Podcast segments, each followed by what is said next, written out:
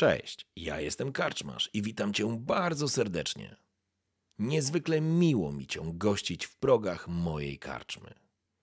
A teraz usiądź wygodnie, odpręż się i daj porwać się historii, którą mam do opowiedzenia. A jeśli spodoba Ci się to, co usłyszysz, zawsze możesz rozważyć wsparcie mnie za pomocą patronite.pl. Link znajdziesz w opisie. Życzę miłego słuchania. Oby nam się! Nikt już nie ma wątpliwości, że świat się zakończył. Że to, z czym ma do czynienia teraz ludzkość, to faktycznie koniec świata.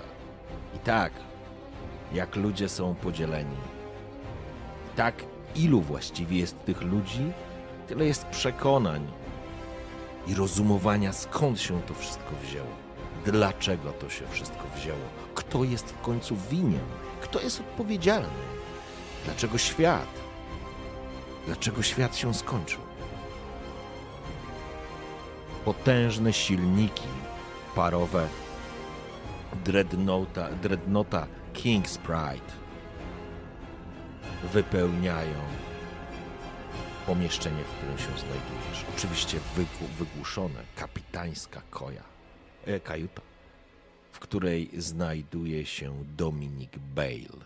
Oparty nad drewnianym stołem zapisuje kolejne karty dziennika pokładowego.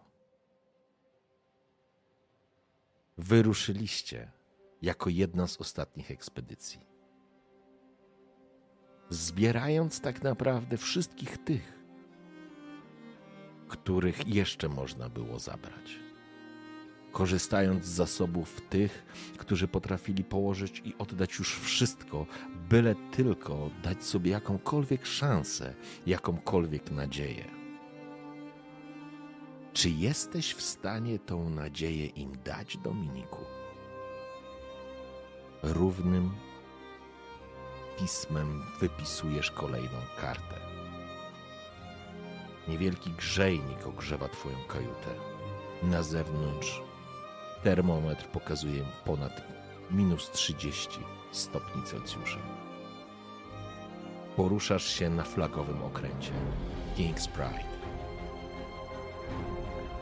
Ale razem z tą King's Pride, razem z trzema innymi jednostkami tworzy armadę, na której na statku, na jednostce Hope dowodzi profesor Amanda Wangerberg.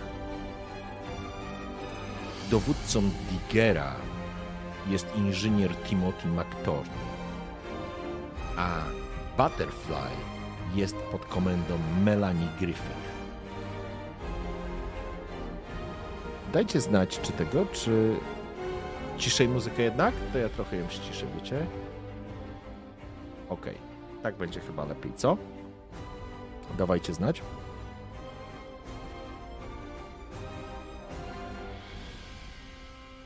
Teraz jest ok, czy jeszcze ściszyć?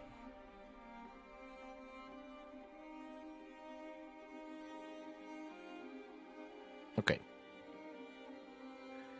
Zapisujesz kolejną kartę. To jest kolejny dzień waszej podróży. Cały czas na północ. Nie ma już do czego wracać. Wszystko zniszczył mróz.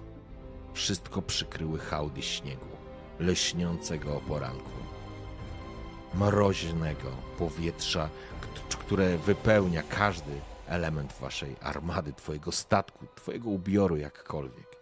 W innych okolicznościach można byłoby uznać, że ten krajobraz jest piękny, ale to jest katastrofa to jest zmierzch ludzkości, a ty jesteś na czele jednej z ostatnich, jednego z ostatnich dreadnotów, które zmierzają ku ocaleniu, ku ziemi obiecanej, ku miejscu, w którym rzekomo ma stać generator 189. Kiedy wyruszaliście, Londyn objęty był zamieszkami resztki porządku jakiegokolwiek zniknęły. Opuszczaliście to w pośpiechu. Nie było to poukładane, tak jak lubisz, żeby było poukładane. Był chaos, była panika. Każdy oddawał wszystko i wszystkich, tylko żeby się zabrać. Zabierz mnie. Bale, jesteś moim przyjacielem, znamy się od tylu lat, zabierz mnie ze sobą. Przydam się, znam się na tym, mam masę pieniędzy i, i klejnoty rodzinne. To jest majątek, zabierz mnie, Bale, tylko mnie stąd zabierz, zabierz mnie, nie zostawiaj mnie, nie możesz być tym skurwysynem, który mnie tu zostawi. Jedna z setek historii. Twoich? Ale również wszystkich, którzy podróżują razem z Tobą. Odpowiedzialność Dominika Bejla szacowana jest na ponad tysiąc osób. 1100 dokładnie. Im dalej od cywilizacji, im dalej od znajomych miejsc, tym częściej pojawiają się informacje i raporty o zapasach, o tym, co jest niezbędne w podróży. Okręty przepalają potężne ilości węgla. Ludzie pochłaniają potężne ilości żywności. Droga jest jeszcze daleka. Nie macie pojęcia, co się wydarzy. Opuszczając oczywiście Londyn, będąc w drodze, mając jeszcze jakiś kontakt, czytając jeszcze listy, słyszeliście o historiach poszczególnych miejsc, tych enklaw ludzkości, tego, tej ziemi obiecanej. Ostatnia informacja, jaka do ciebie dotarła, oczywiście nie była pokrzepiająca, bo w tych czasach nic nie jest pokrzepiające. Właściwie stoisz na straży ostatniej nadziei. Ci ludzie wszyscy ci wierzą. Ostatnia informacja, jaką udało ci się uzyskać, to katastrofa w osadzie Winter Inn. Podobno zarządca placówki oszalał. Podobno dokonał samospalenia. Obwołał się Bogiem na ziemi. Bogowie, do czego to doszło? Przekręcasz obrączkę na palcu, spoglądając na nią.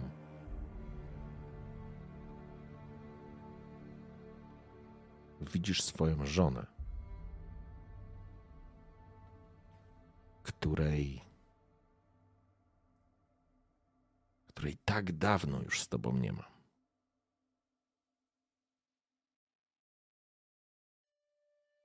Masz wrażenie, że siedzi tam w koi, lekko skulona.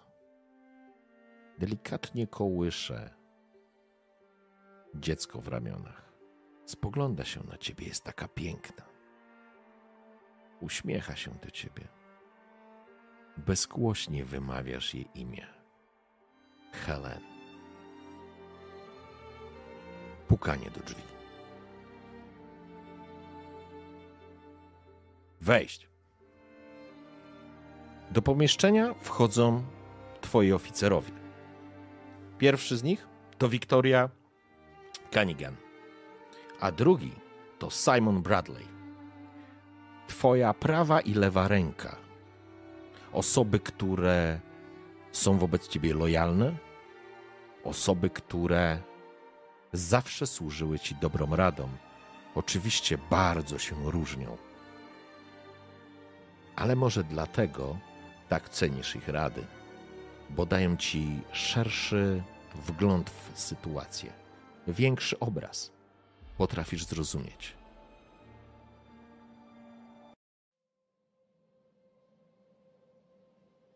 Dowódco, odzywa się Wiktoria Cunningham. Okutana jest w taki futrzany, w, w płaszcz z takim futrzanym kołnierzem, czapkę ściąga, widać, że twarz jest aż taka zziębnięta, sina. Dowódco, musimy w końcu podjąć tą rozmowę. Musimy wrócić do tej rozmowy. Kończą nam się zapasy. Nie jesteśmy w stanie dłużej tak ciągnąć. Hope, Digger, Butterfly i załoga Dreadnota. Rozmawiałam z Amandą, czyli jest to profesor z kapitan jednostki Hope. Oni nie są w stanie produkować w takim tempie. Musimy coś zrobić. Sugeruję, żebyśmy ścieli natychmiast racje żywnościowe jednostce Butterfly. To są darmozjady. Zamknij się, jak tak możesz mówić? Odzywa się Simon. Jak tak możesz mówić? To nasze rodziny, dzieci, starcy. Się obraca się na niego, mruży lekko oczy. Jej krótkie blond, ścięte włosy i leśniące niebieskie oczy uśmiechają się ironicznie. Spog- ignorując Simona, spogląda się na ciebie. Dowódco, my musimy podjąć tą decyzję tu i teraz. Później, kiedy przekroczymy punkt rezerw, wszystko się sypie, wszystko się pokruszy. Nie będziemy w stanie dalej tego utrzymywać. Kapitanie, nie możemy obniżyć im racji żywnościowych. Proponuję, żebyśmy obniżyli na dreadnoughcie. Jesteśmy żołnierzami. Poradzimy sobie. Jesteśmy do tego trenowani. Jesteśmy gotowi na poświęcenie. Chociaż rzadko zgadzam się z Amandą, to jednak ma rację. Musimy, przepraszam, z Wiktorią powiedział. Z Wiktorią. To jednak musimy podjąć jakieś działania. Ale nie tnijmy, nie tnijmy zaopatrzenia Butterfly. Zresztą wszyscy się wściekną. Połowa naszej załogi ma tam rodziny, dzieci.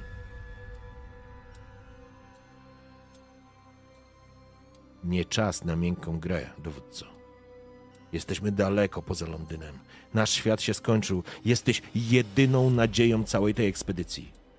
Inwestuj w tych, którzy potrafią i mogą ci pomóc przetrwać tobie i całej tej armadzie. Nie wierzę. Nie wierzę w co słyszę. Wiktoria, zachowujesz się jak zwierzę. To są ludzie. Dowódco, to, co czyni nas ludźmi, jest dla nas najważniejsze. Nie zapominaj o tym, bo będziesz miał wszystkich przeciwko sobie. Okay. To jest pierwsza ankieta, kochani, dla Was. Będzie tylko. Mm, będą dwa wyjścia. Pierwsze ścięcie racji. Załodze King's e, Pride, czyli wojskowym, mówiąc wprost, w większości albo ściąć e, racje żywnościowe, tak naprawdę okroić o połowę ekipie ludziom na Butterfly. Poproszę o taką ankietę, Egon, dwie minuty.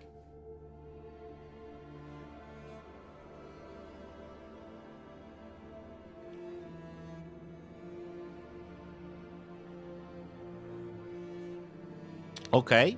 Okay. Eee... Jest jeszcze. Yy... Niech sami się. Ok.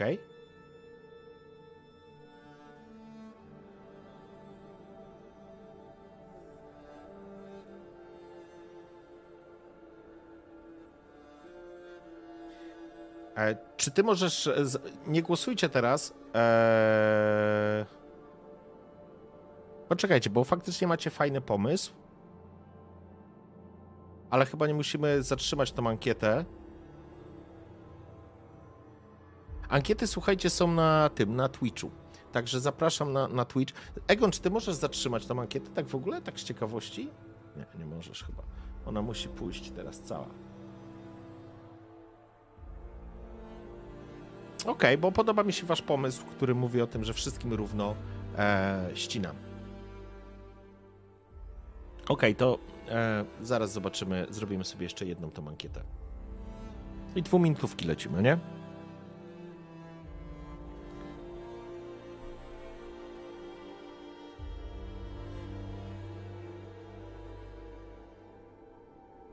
Także zobaczymy, czy to pójdzie.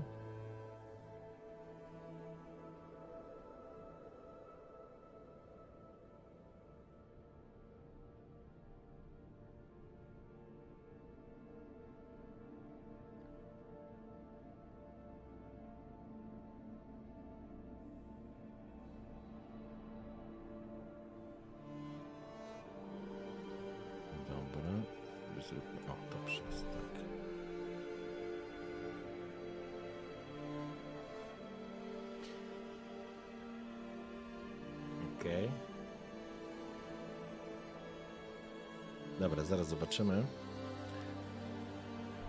Eee, To jeszcze raz tę ankietę powtórzymy, tylko trzecią opcję damy, że wszystkim równo obcinamy, ok?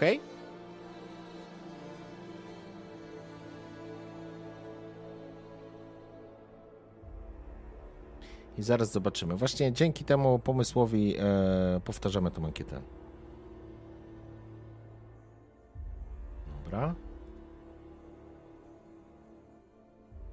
I zobaczymy, co z tego wyjdzie. Do czego są cywile potrzebni? To jest nasze żarcie. O fuck. Widzę, że będzie wesoło.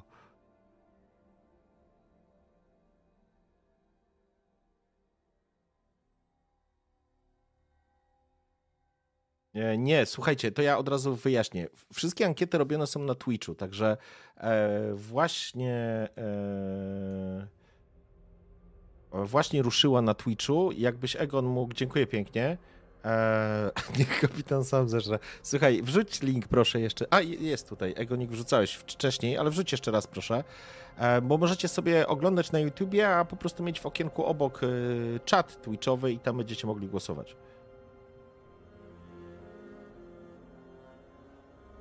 Także wszystkie, e, wszystkie głosowania będą. O, teraz jeszcze raz pojawił się link z, em, z ankietą.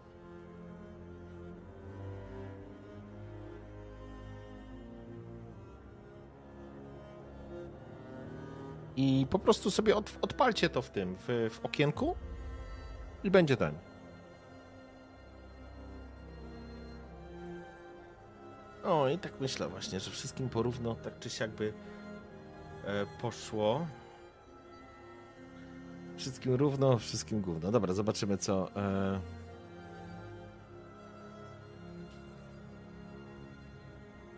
Tak, tak, tak jak mówiłem na wcześniej, na Butterfly znajduje się bardzo dużo rodzin i osób bliskich, które są porozrzucane po okrętach e, King's Pride, mm, Digger i Hope.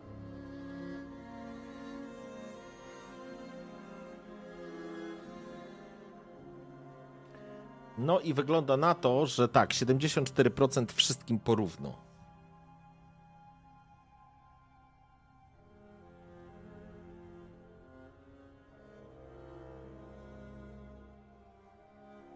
I chyba to ostatecznie zostanie wprowadzone. Pierwszy wasz dekret jako dowódcy. E, tak, i tak właśnie się stało. Wszystkim porówno 74%. Odkładasz pióro, zamykasz kałamarz. Zastanawiasz się nad rozwiązaniem.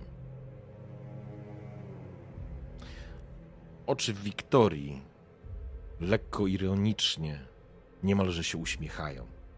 Czekają na Twoją decyzję, wojskową decyzję. Simon również wojskowy, ale, ale o bardziej ludzkim obliczu. Dobrze więc. Nie będziemy antagonizować ludzi. Obetnijcie rację. Zarówno na King's Pride, jak i na Butterfly. Wiktoria mruży lekko oczy. Dowódco, to, to żadne rozwiązanie. Żołnierze będą nie dojadać, a, a tamtym i tak będzie mało. Wspomnij dowódco moje słowa, ale wedle rozkazu. Natomiast Simon spogląda się i uśmiecha się. Dziękuję, dowódco. Przekażemy te informacje dalej. Pierwsza poważna decyzja Dominika Bale'a rozeszła się po armadzie. Doszły do ciebie słuchy, że żołnierze, którym odebrano część pożywienia, spoglądają się na to z sytuacją w porządku. Przetrwamy. Damy radę. Ale na Butterfly doszły cię komentarze. Doszła ci informacja od kapitan Melanie Griffith. Dowódco, dzieciom? Odbieracie dzieciom?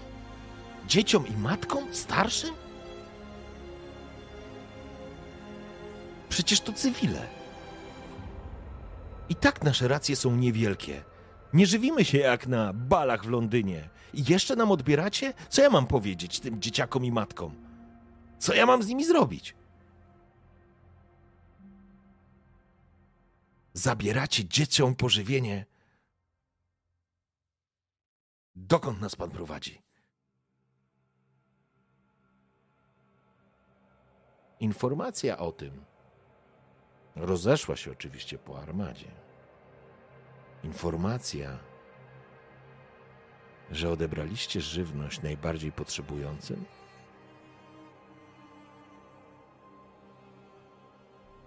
Szukanie złotego środka zawsze jest trudne. I gdzieś głos adiutant Wiktorii Canigan. Dowódco, jak stare przysłowie mówi, jeżeli chcesz sobie zrobić wroga, to idź komuś pomóż. Pomóc.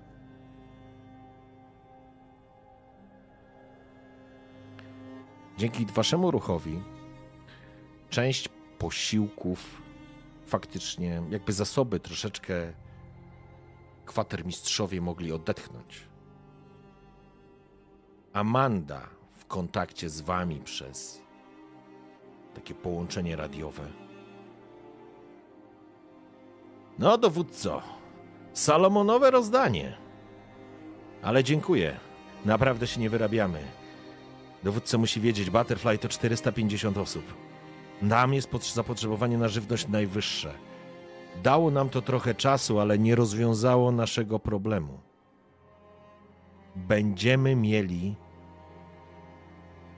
za kilka dni ten sam problem, jeżeli nie znajdziemy jakiegoś rozwiązania do tego czasu. A ja nie mogę cudem sprawić, że rośliny zaczną rosnąć szybciej. Ale mamy kilka dni zapasu. Dziękuję.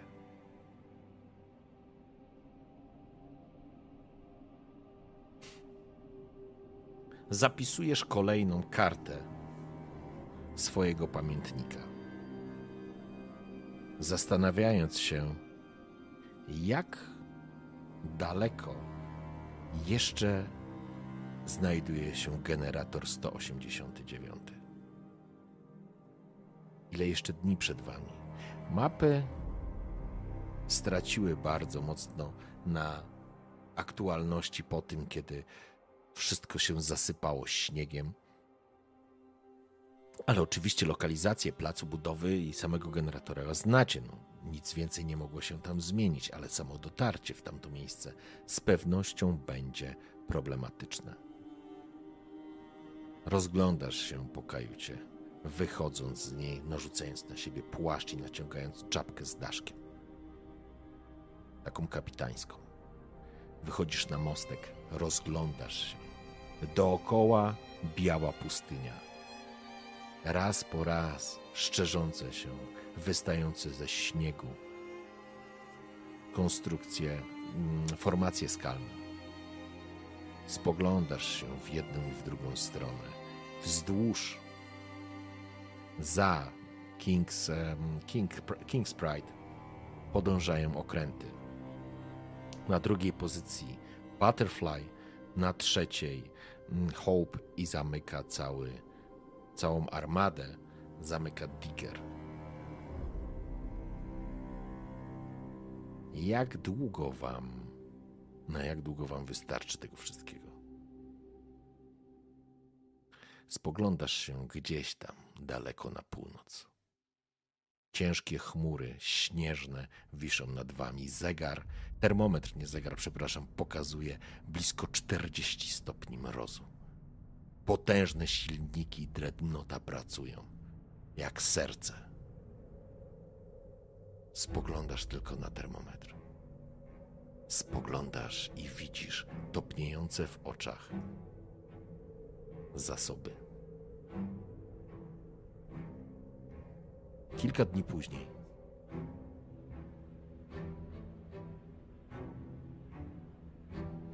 Informacja z Digera. Na pokład, na takim skuterze śnieżnym, pełzaczu, jakkolwiek byśmy to nazwali, śniegołazie, o to jest ładniejsze określenie, na okręt Dreadnoughta, King's, e, King's Pride, wchodzi kapitan Digera, czyli inżynier e, Timothy McTurn. Potężny mężczyzna, skórzany w takim, w takim fartuchu, ma na sobie e, płaszcz z takim wysokim kołnierzem, czapkę, uszatkę, siną, taką czerwoną, odmrożoną twarz, potężne wąsiska, szeroko rozstawione, e, rozstawioną szczękę i szeroko rozstawione takie oczy. Potężny, potężny facet. Dowódco, mam mapy, które wskazują, że w tamtym miejscu pokazuje potężną łapą. Na, pół, na północ, przynajmniej dzień drogi stąd, możemy znaleźć stare szyby wydobywcze. Możemy uzupełnić trochę węgla. Zasoby spalają się w piekielnie szybkim tempie. Za chwilę możemy mieć duży problem. Rozgląda się tak, jakby zaglądał, czy szukał informacji, czy ktoś, czy ktoś podsłuchuje. Poruszamy się na czterech jednostkach. Dowódco, spalamy tyle. Naprawdę. Ja, ja nie wierzę, żebyśmy na 108.9 do jechali wszyscy razem. Nie ma takich szans. Nie mamy takich zasobów. Musimy uzupełnić chociaż trochę zapasy. Problem polega na tym, że te kopalnie i sztolnie od jakiegoś czasu mogą być bardzo ryzykowne dla naszych składów, ale ja podejmę tę decyzję, to, to ryzyko i chętnie tam wejdę. Wejdę i uzupełnię. Być może są jakieś gotowe hałdy, to się poprzenosi część tych materiałów. I to, co uda się nam odzyskać. No ale będziemy musieli odbić. Jaka jest Twoja decyzja, kapitanie?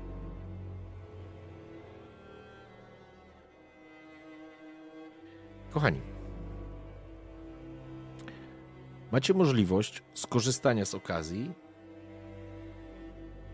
i odbicia ze szlaku i ruszenia w kierunku strefy wydobywczej, o której mówił e, McTorn. To może być ryzykowne miejsce, tak jak on to znadmienił.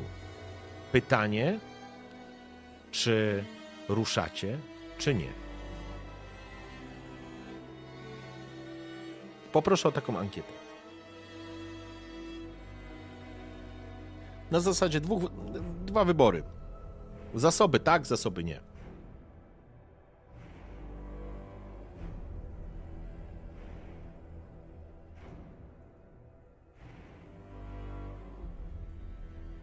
Jakbyś Egon mógł odpalić, byłoby super.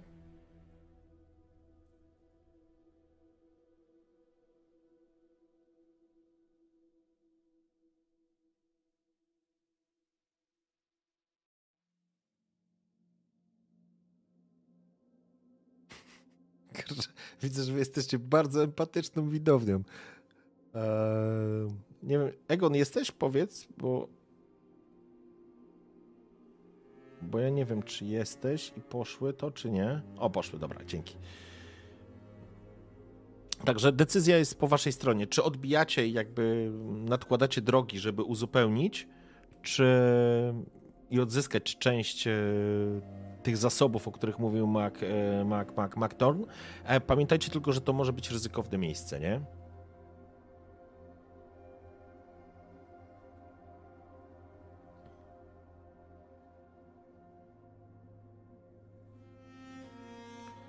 Mac Thorn spogląda się na was, kiedy kiedy chwilę się zastanawiacie, analizując. Weszliście z powrotem do swojej kajuty, rozłożyłeś mapy, zaczynasz analizować tą drogę i szukać odpowiedzi. E, Dowódco, pff, dzięki w ogóle od całej ekipy Digera za, za ten ruch. Oddaliśmy część swoich zasobów naszym rodzinom, żeby nie głodowali. Rozumiemy, że ktoś musi zjeść mniej. Jeżeli ktoś musi zjeść mniej, to skoro wojskowi mogą, to i my możemy. A niech dzieciaki mają co do, do zjedzenia.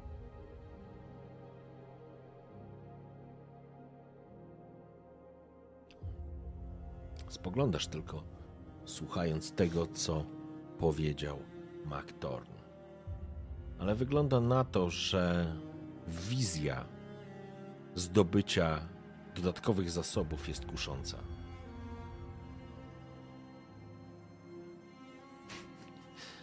Jak przywiozą węgiel, to będzie wojna.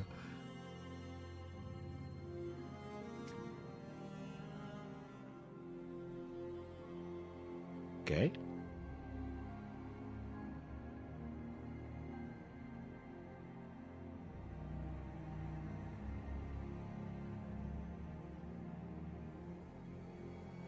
Okej, okay. potrzeba węgla. Zatem spoglądasz się na Maktorna. Dobrze więc, nadłożymy drogi. To będzie ryzykowne, ryzykowne, Maktorn, ale chyba gra jest warta świeczki. Przygotuj ludzi.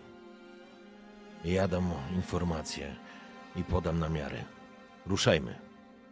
Maktorn kiwa głową. Będzie dobrze, dowódco. Wyciągniemy stamtąd tyle, ile się da. I jeszcze raz dzięki za to żarcie. Machasz ręką, zastanawiając się, co to oznacza, że załoga Digera podzieliła się swoimi zasobami ze swoimi rodzinami. I jak to wpłynie na morale? Po chwili drzwi się otwierają. Wchodzi Wiktoria. Dowódco, Słyszałem, że ruszamy po zasoby. Węgiel to bardzo dobry ruch. Nawet jeżeli dosyć ryzykowny, ale bez tego nie damy rady. Zresztą zamyka drzwi, spogląda się na ciebie. Kapitanie, prawda jest taka, że nawet z tym dodatkowym węglem nie dojedziemy na cztery jednostki. To jest odkładanie decyzji w czasie.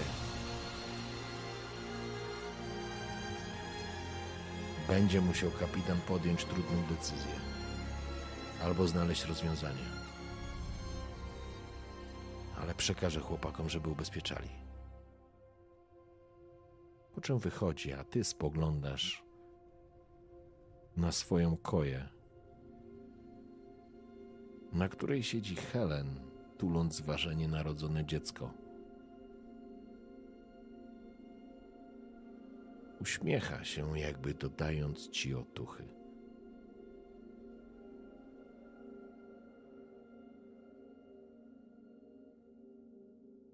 Szlak. Na karcie wykwitł. Taki kleks atramentu. Jesteście na miejscu.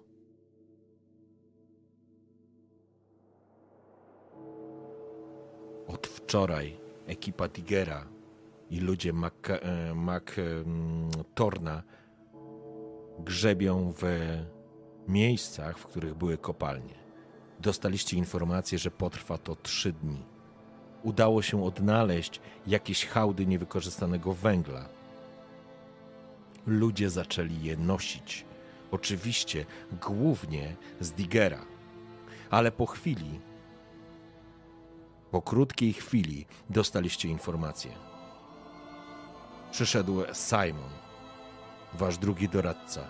Dowódco, mam informację od kapitana McTorna.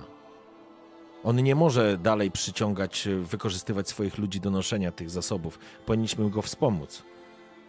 Niech oni zakładają kopalnię i bazę przerzutową i wyciągają to, co się uda wyciągnąć, ale kogo mamy skierować do pracy? No bo chyba nie puścimy tam dzieciaków, co? Pytanie do Was. Szanowni, kogo chcecie e, wrzucić do, do noszenia tego i do wsparcia tak naprawdę całego procesu pozyskiwania tego węgla? Jest, przypomnę, że jest bardzo mroźny, jest około 30-40 stopni poniżej zera i jest to zdecydowanie, zdecydowanie nie są sprzyjające warunki, ale jeżeli MacTorn powiedział, że potrzebuje niemal całej obsady do tego, żeby zająć się wydobywaniem tego węgla i pozyskiwaniem zasobów, to znaczy, że tak jest. Ten Irlandczyk nigdy nie pierdoli, on po prostu mówi jak jest. Jeżeli mówi, że potrzebuje ludzi, to znaczy, że ich potrzebuje.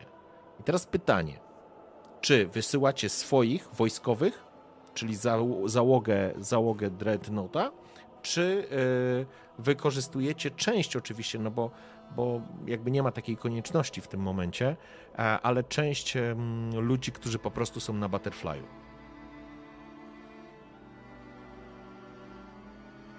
Poproszę o taką ankietę, no bo zakładam, że jakby z Hope trudno tam kogoś wziąć, no tam jest też setka ludzi, ale są to, na tym etapie tam są po prostu oni zaangażowani są w obsługę tych wszystkich szklarni, tak naprawdę tych upraw i przygotowanie, rozdzielania tego żarcia i tak dalej, więc, więc oni mają swoją robotę, ale macie podwójny taki zasób, z którego możecie skorzystać, to jest albo wojskowi z Dreadnoughta, albo, e, albo z Butterfly'a. Wszyscy możemy przyjąć, że możecie podzielić to tak czy siak, nie?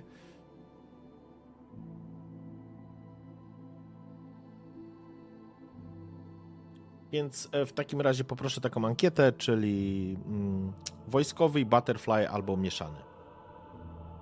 Widzę, że dzisiaj jest bardzo ostrożnie.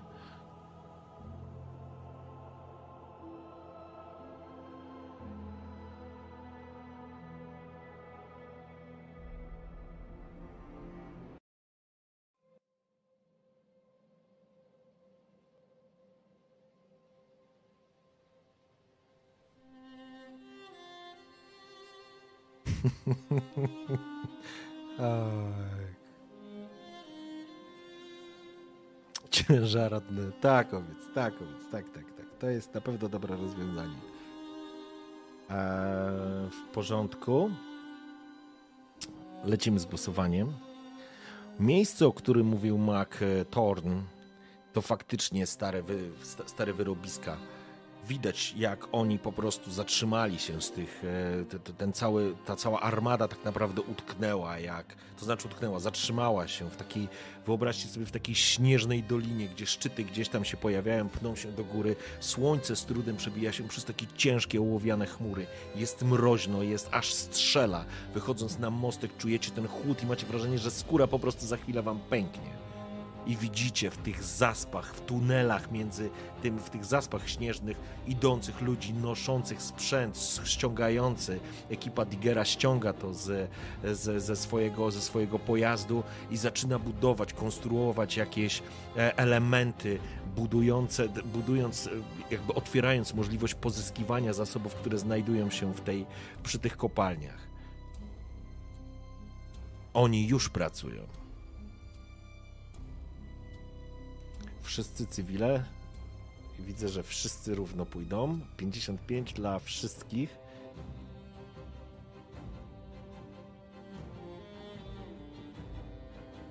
Wszyscy, ok, w porządku. Rozdzieliliście zadania. Część załogi i obsady Dreadnota oraz ci, którzy mogą, czyli mężczyźni i kobiety w sile wieku, którzy mogą pracować, zaczęli schodzić na ląd. Na ląd to cały czas poruszacie się po lądzie, ale po prostu schodzą z jednostek. Widać, jak jednostki z jednej i z drugiej strony, jak zaczynają pracować pod dyktando, które narzuca MacTorn. Wy również zeszliście na dół. Schodzicie z dreadnota po takim trapie, później po, po um, później z trapu taką drabinką Wchodzicie, nad wami górują ponad dwa metry zaspy śnieżne, z których wykute są, czy wykopane tak naprawdę tunele przez ekipę Maktorna. Jak ludzie idą zziębnięci, czujecie mróz, a strzaska. Nie widać słońca, nie widać niczego, gdzieś wbijane, tylko po prostu jakieś takie pochodnie, jak się zaczyna zmierzchać.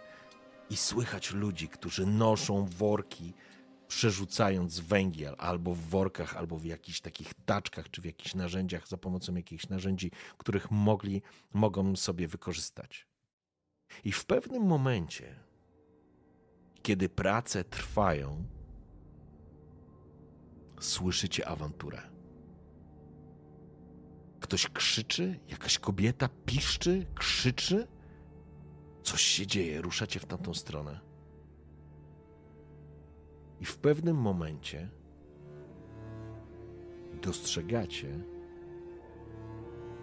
jak w waszą stronę idą wasi doradcy, Wiktoria oraz Simon.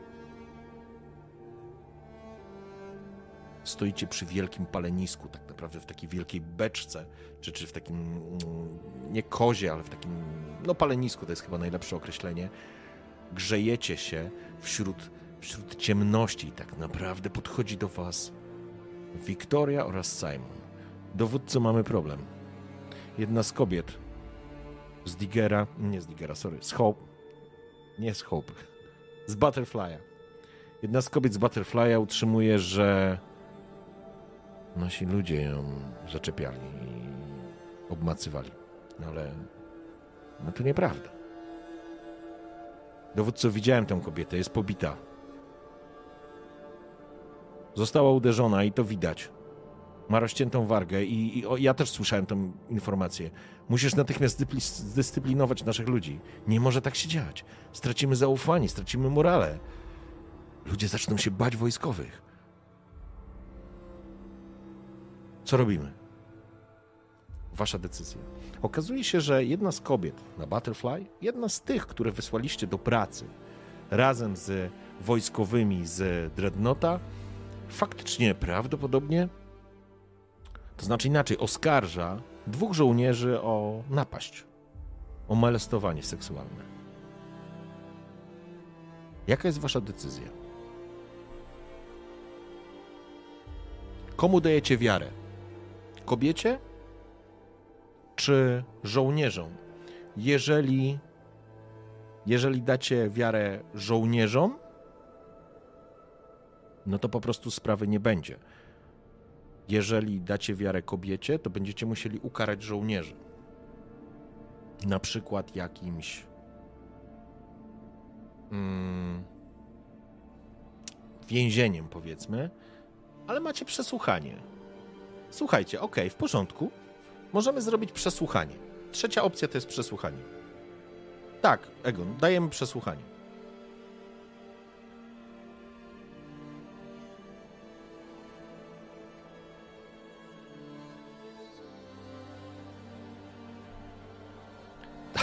Widzę, że tam macie dobrą zabawę. Dobrze, okej. Okay.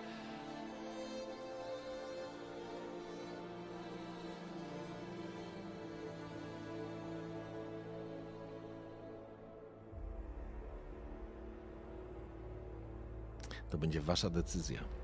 E, to poproszę tylko taką ankietę, czy po prostu albo dajecie wiarę kobiecie, albo dajecie wiarę żołnierzom, albo po prostu wybieramy przesłuchanie. Jeżeli wybieramy przesłuchanie, to będziemy, będziecie mieli okazję porozmawiać z jedną i z drugą stroną.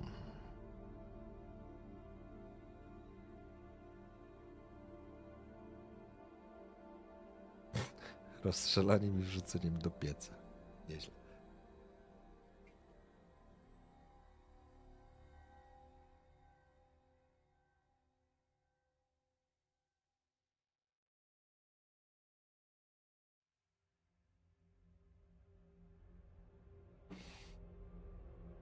Okej, okay, leci.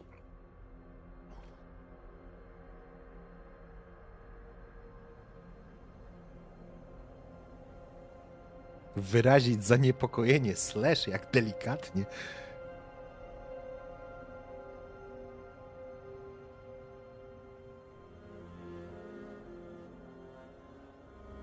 No, wygląda, że śledztwo bardzo zdominowało. 80% z Was na razie głosuje za tym pomysłem.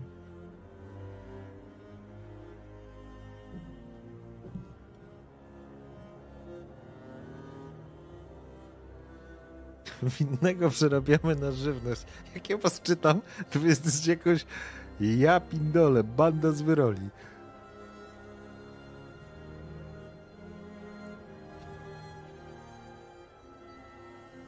Wygląda na to, że będzie jednak śledztwo. Różnica jest e, zbyt duża.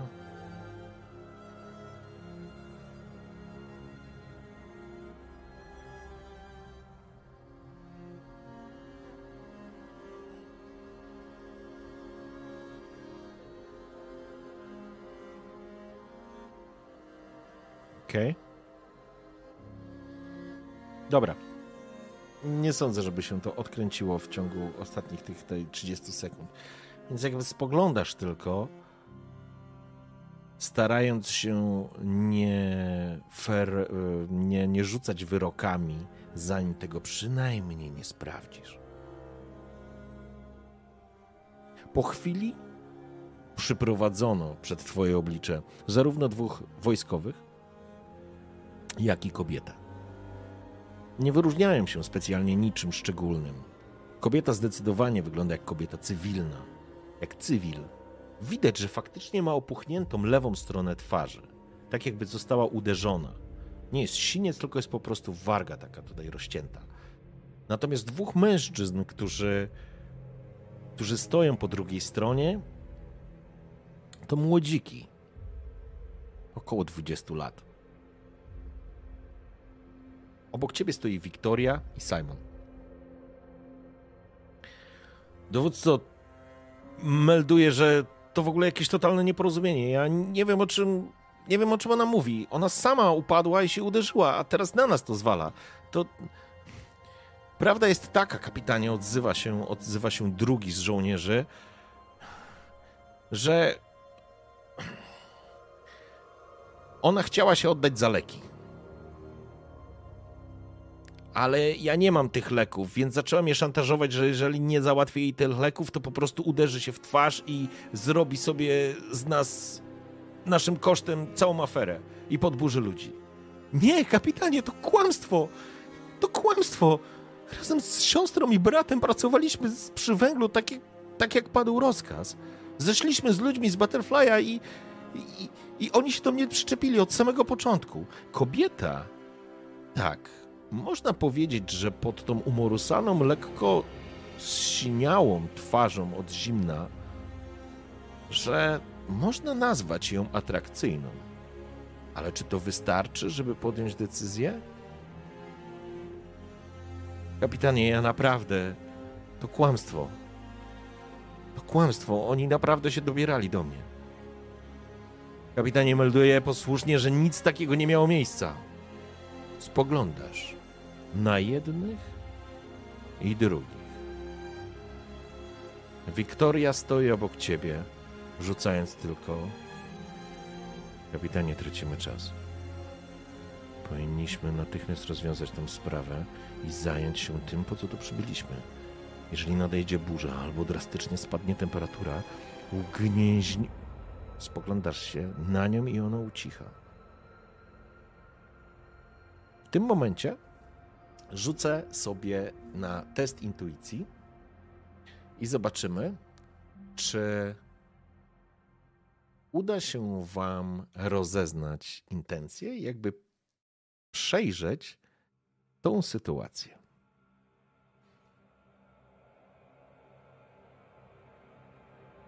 No to lecimy. Uuu. Porażka. Zastanawiasz się, szukasz rozwiązania, ale nie masz pojęcia, Dominiku, która ze stron mówi prawdę, a kto kłamie. Ale jesteś już w miejscu, w którym musisz podjąć decyzję tu i teraz. Spoglądasz na Wiktorię. Kapitanie. Zakończmy to szybko. Jakiś absurd. Z drugiej strony pojawia się Simon Kapitanie, jeżeli zostawimy tę sprawę tak jak teraz, ludzie dostaną pierdolca. Może się rozpocząć bunt. Nie możemy tak tego zostawić.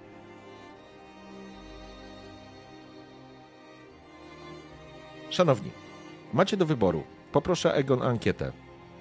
Wskazujecie żołnierzy jako winnych i zamykacie ich w więzieniu, czy w jakimś tam, no w jakimś taki, w jakiejś celi na pokładzie po prostu, przynajmniej na jakiś czas do rozwiązania tej sytuacji. Druga rzecz.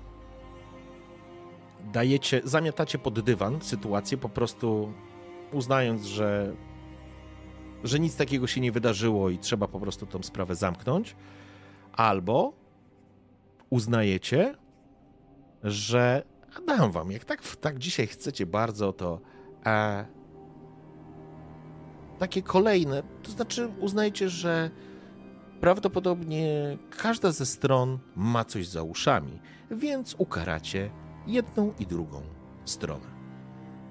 To znaczy, że reprymendę dostaną żołnierze, ale również kobieta.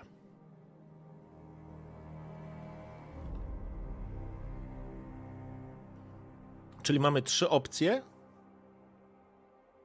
pod dywan, ukaranie żołnierzy i rozłożenie odpowiedzialności, czyli taka, nazwijmy to wprost, ucieczka od odpowiedzialności, od podjęcia decyzji, która być może czasami się sprawdzi, a czasami nie.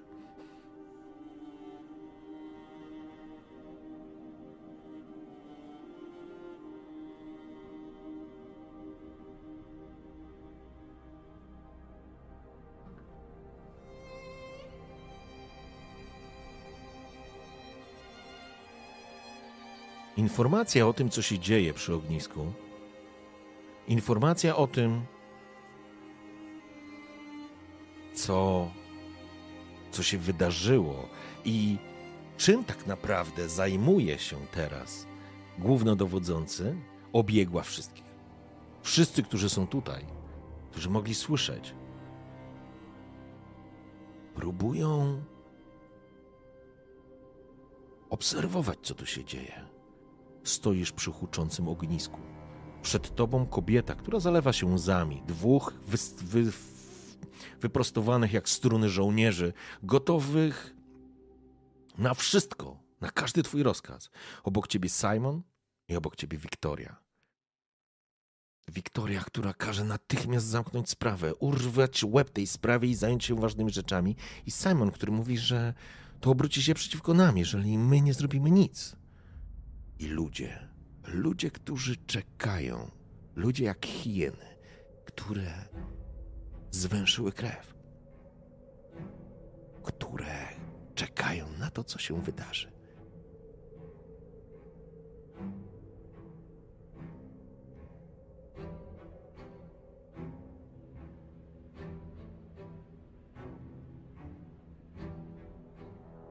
No, ciekawe. Mamy po raz pierwszy taką ankietę, która wzbudziła, e, podzieliła was dosyć mocno.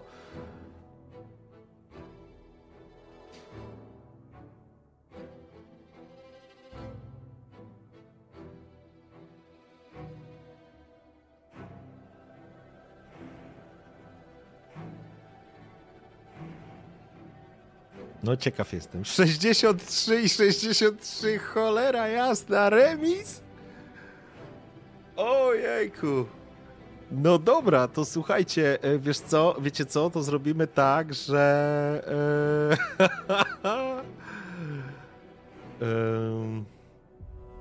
mogę, wam, mogę wam powiedzieć jedną rzecz. Możemy uznać, że po prostu rzucę kością i określimy sobie wynik, że od pięciu w górę albo parzyste to jedna opcja, e, nieparzyste to druga. To będzie chyba najszybsza, co?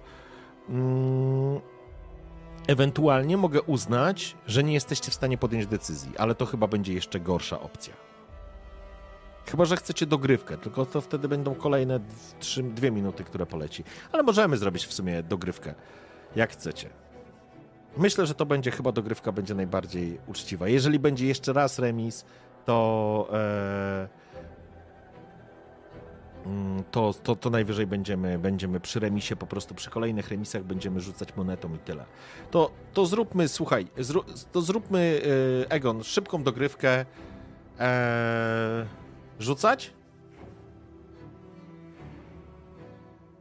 No znowu jesteście podzieleni, kurczę. No nie będę teraz rzucał, żeby określić, czy rzucać, czy nie. Dobra, dawaj dogrywkę, tak szybciutko. Teraz robimy dogrywkę, a w kolejnych, przy kolejnych e, remisach po prostu będziemy mieli, będziemy mieli rzut monetą, żeby to przyspieszyć, więc e, karamy, e, karamy żołnierzy albo zakupujemy sprawę.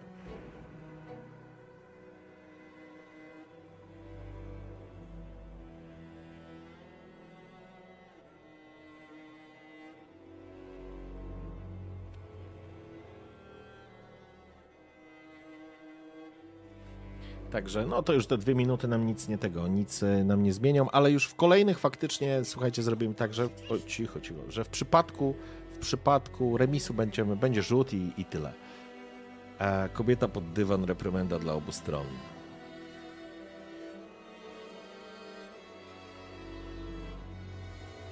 E, żołnierze już wypadli w tamtej opcji. Sprawa nie wydaje się tak oczywista. Na intuicję wszystko zrzucić to nie jest proste. W twojej głowie kotłuje się cała masa rzeczy. Moment. Synu, czekaj.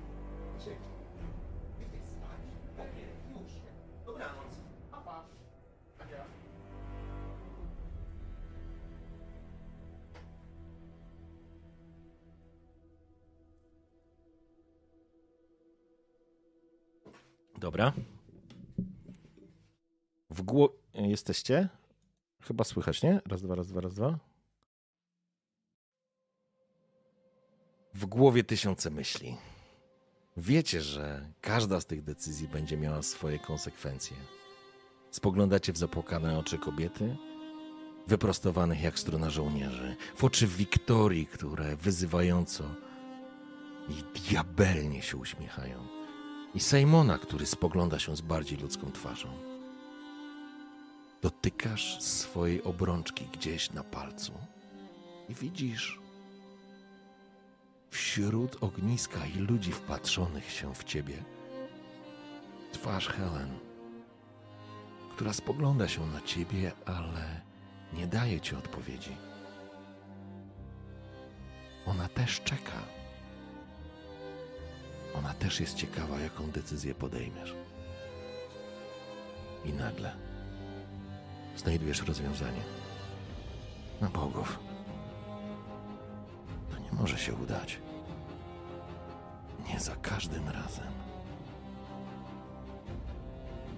Natychmiast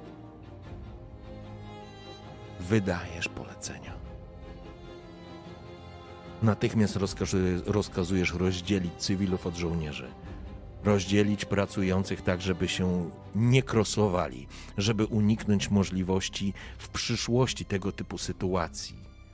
Kwitujesz, że sprawa zostaje umorzona z braku dowodów. Z drugiej strony, natychmiast wystawiasz reprymendy żołnierzom, do, do, dodając im dodatkowe godziny służby. Tak naprawdę równając ich z ziemią za sam fakt w ogóle mieszania się z cywilami, oni są na służbie. Twoje rozkazy, twój werdykt roznosi się po, po wszystkich. Co? Wiktoria obraca się napięcie, spogląda się wyzywająco ci prosto w oczy. Jest wściekła.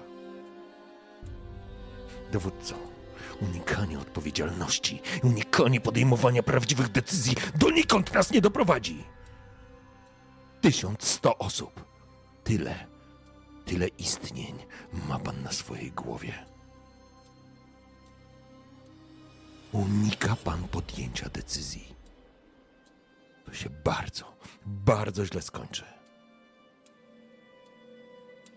Jak to nie było gwałtu? Jak sobie wymyśliła?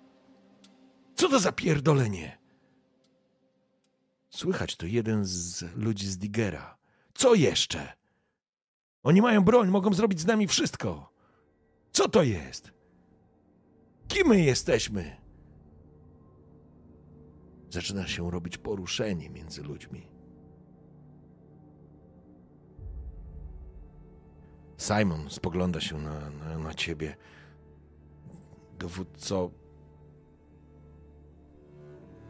Będziemy mieli problem. Żołnierze próbują uspokajać gotujących się ludzie. Sama się uderzyła i co, może się wywróciła i trzy razy na kutasa nadziała? Co to za pieprzenie? Cholerni mundurowi, żołdacy pierdoleni. Co jeszcze?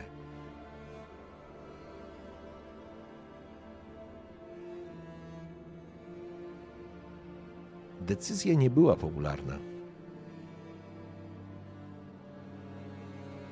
Absolutnie nie była Salomonowym rozwiązaniem. Czasami nawet zła decyzja jest lepsza niż jej brak. Spoglądasz na twarz swojej żony, na majak. Opuszcza delikatnie oczy, jakby nie chciała na ciebie patrzeć w tym momencie. Ogień, ogień płonie. I w tym momencie, jakby tego wszystkiego było mało. Uwaga! Uwaga! Słyszysz z oddali dźwięk pękających, wyginających się i tak ryczących stalowych podpór, które aż wyją, kiedy ciężar nie jest w stanie być utrzymany. Słyszysz w oddali, w miejscu, gdzie Mac Thorn rozłożył elementy wydobywcze, huk, zgiełk, jest ciemno, więc nie widzisz doskonale, ale widzisz tylko po prostu jakieś lampiony, czy kawałki, czy elementy oświetlenia w postaci jakichś pochodni, czy lamp. Po prostu latają jak jak świetliki. Słychać krzyk, który się potęguje i ten dźwięk odbijając od ścian otaczających gór. W obozie zapanował chaos. Na okrętach natychmiast podniosły się dzwonki alarmowe. Strefa wydobycia, którą założył Mac Thorn razem z ekipą Digera, niestety, niestety miała pecha.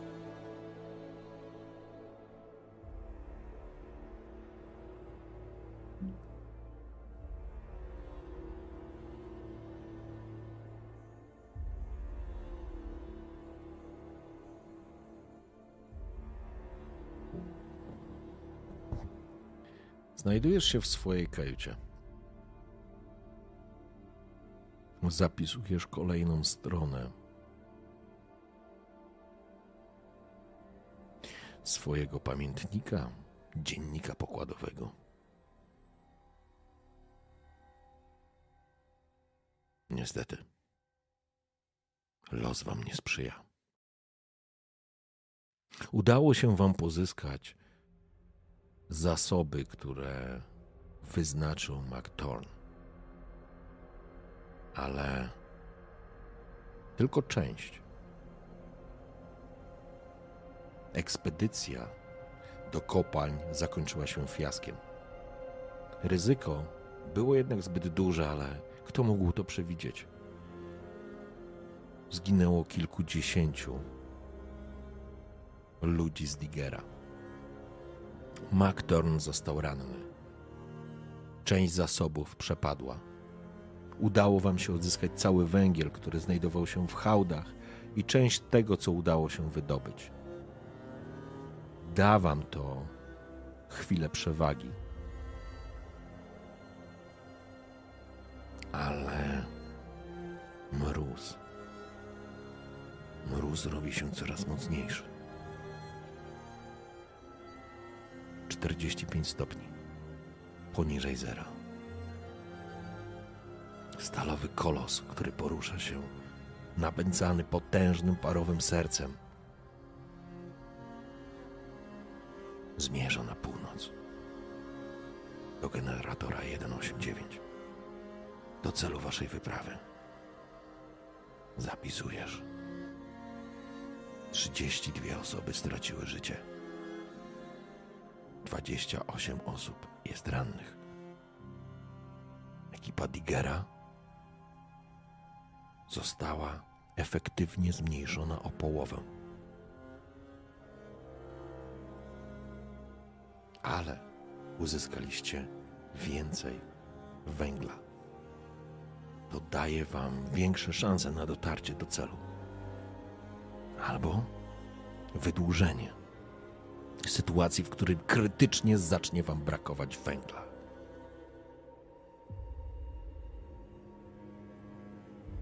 Wasza decyzja rozeszła się szerokim echem. Ludzie, cywile, absolutnie nie rozumieli, dlaczego, albo nie inaczej, doskonale rozumieli, dlaczego dowódca, wojskowy dowódca stanął po stronie ludzi, swoich żołnierzy, bo tak to zostało zinterpretowane. Bo dokładnie tak to ludzie zrozumieli.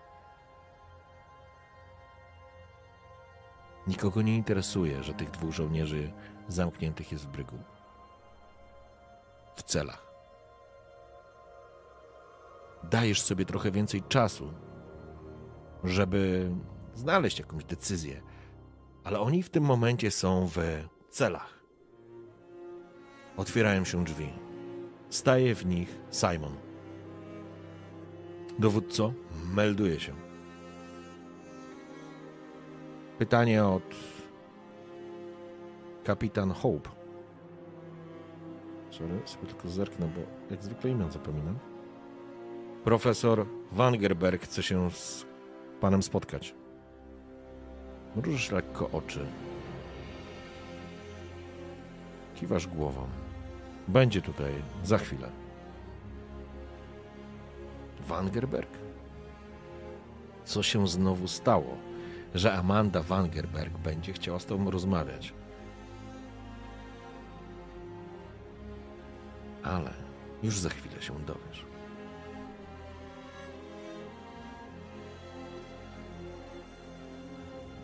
Po chwili drzwi się otwierają. W drzwiach staje kobieta w sile wieku, o bujnych, rudych włosach, które roz, roz, rozłożone są na jej ramionach, ma na sobie skórzaną kurtę z wysokim kołnierzem i ściągniętą czapkę, którą ma pod ręką.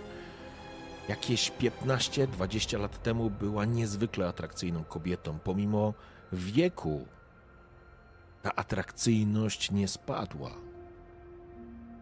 Ona się zmieniła. Jest piękną kobietą i wzbudza zaufanie. Jest naukowcem i wzbudza wiarygodność. I patrzysz w jej brązowe oczy, i one ciskają w ciebie gromy. Dowódco. Mamy dwa poważne problemy, a właściwie trzy, i od razu przejdę do rzeczy. Spoglądasz się na nią. Pierwsza rzecz to spadająca temperatura. Minus 45 stopni. To oznacza, że będę potrzebowała więcej węgla, żeby utrzymać wysoką temperaturę w szklarniach. Inaczej będziemy mieli zagrożoną naszą, będziemy mieli zagrożoną naszą plantację. Sadzonki mogą tego nie wytrzymać, a to oznacza, że będziemy musieli zużyć więcej zasobów niż planowaliśmy.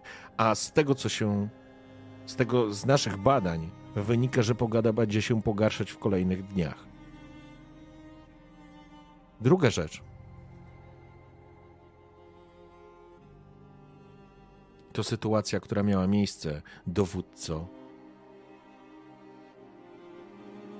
Tam, w kopalniach. Załoga Hope łączy się w bólu i cierpieniu ze wszystkimi, którzy stracili swoich bliskich. Z towarzyszami, z przyjaciółmi, z Digera. Cieszę się, że McTorn przetrwał, ale jest. Jest w ambulatorium. Na to nie, ma, nie mieliśmy wpływu. Podjęliśmy ryzyko trudno. Każdy by z nas, z nas je musiał podjąć. Ale informacja i decyzja, którą dowódca podjął w sprawie tej kobiety i tych dwóch żołnierzy, odbiła się szerokim echem. Informuję, że zgodnie z D. lekko się zawahała. Widzisz w niej, że. Zaraz zobaczymy, widzisz czy nie? Rzućmy intencję. Porażka. To nie widzisz.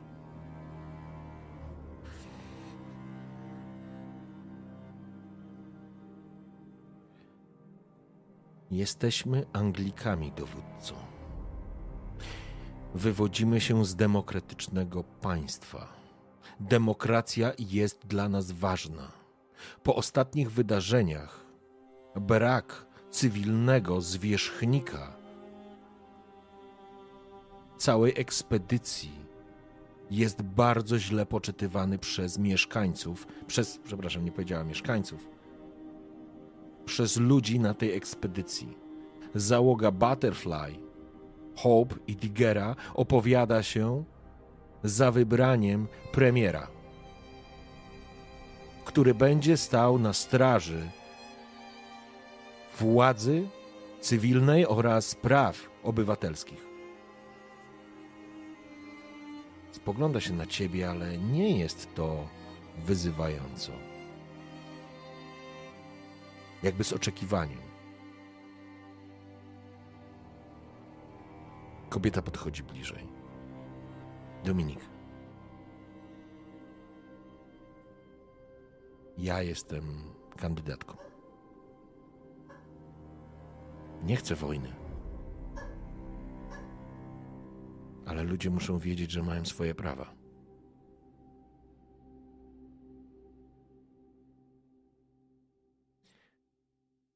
Poproszę o ankietę.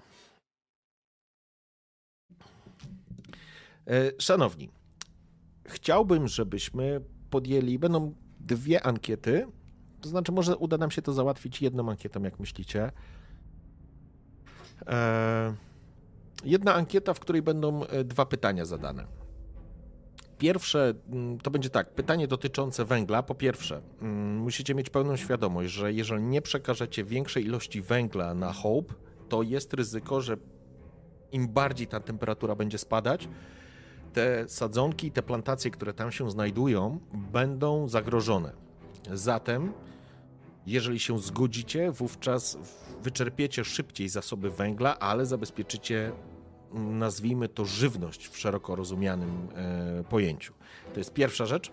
I tu będą dwie pytania, y, także Egon, żebyś też e, czaił o co mi chodzi. Żeby były dwie pierwsze odpowiedzi, te, to znaczy, żeby były dwie odpowiedzi. Pierwsza to jest dajemy węgiel, nie dajemy węgla, bo tutaj nie ma innej opcji, nie możecie go dawkować. Eee... Dobra, kebabus się czepiasz. To jest inny świat, 1840 chyba 8. Więc e, to królową wybierają. W każdym razie, e, w każdym razie druga opcja, czy zgadzacie się na władzę cywilną, czy się nie zgadzacie? I tak zrobimy. Nie możecie sadul obniżać na dreadnocie. Nie ma takich specjalnie opcji. No to dobra, słuchajcie, to żeby po prostu to było szybciej, e, to to zróbmy to w jednej ankiecie.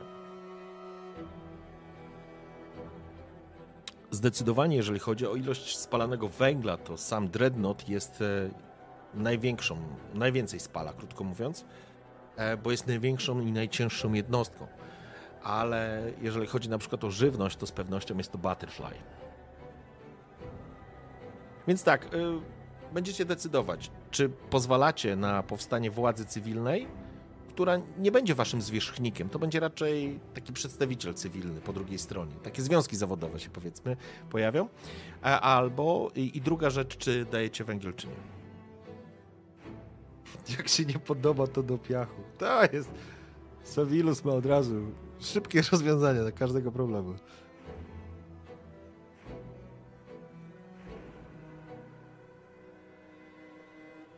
Z pewnością e, pamiętajcie o tym, że jakby jeżeli się nie zgodzicie na demokrację, na pewno wpłynie to również na zadowolenie ludzi, nie? Na sytuację, w której e, nawet jeżeli planujecie, że tylko pozornie będziecie dawać tą władzę, to to ukoi trochę e, nerwy, nie?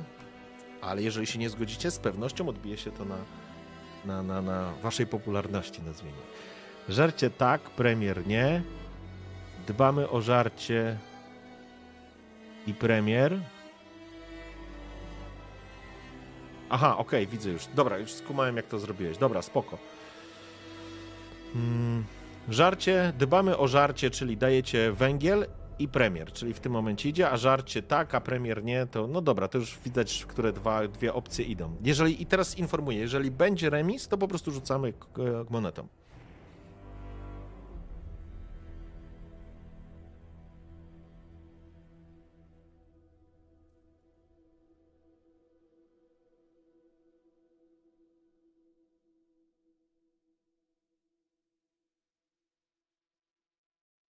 No i zobaczymy, jak to pójdzie.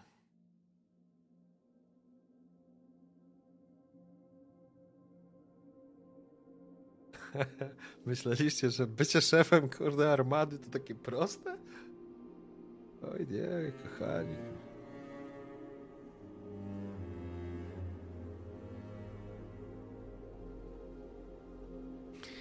Żarcie tak, premier nie. O, idziemy na twardo, widzę.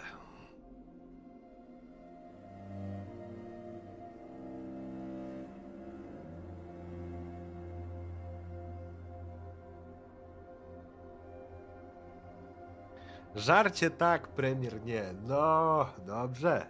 Zaczyna się coś dziać. Okej. Okay. Zatem.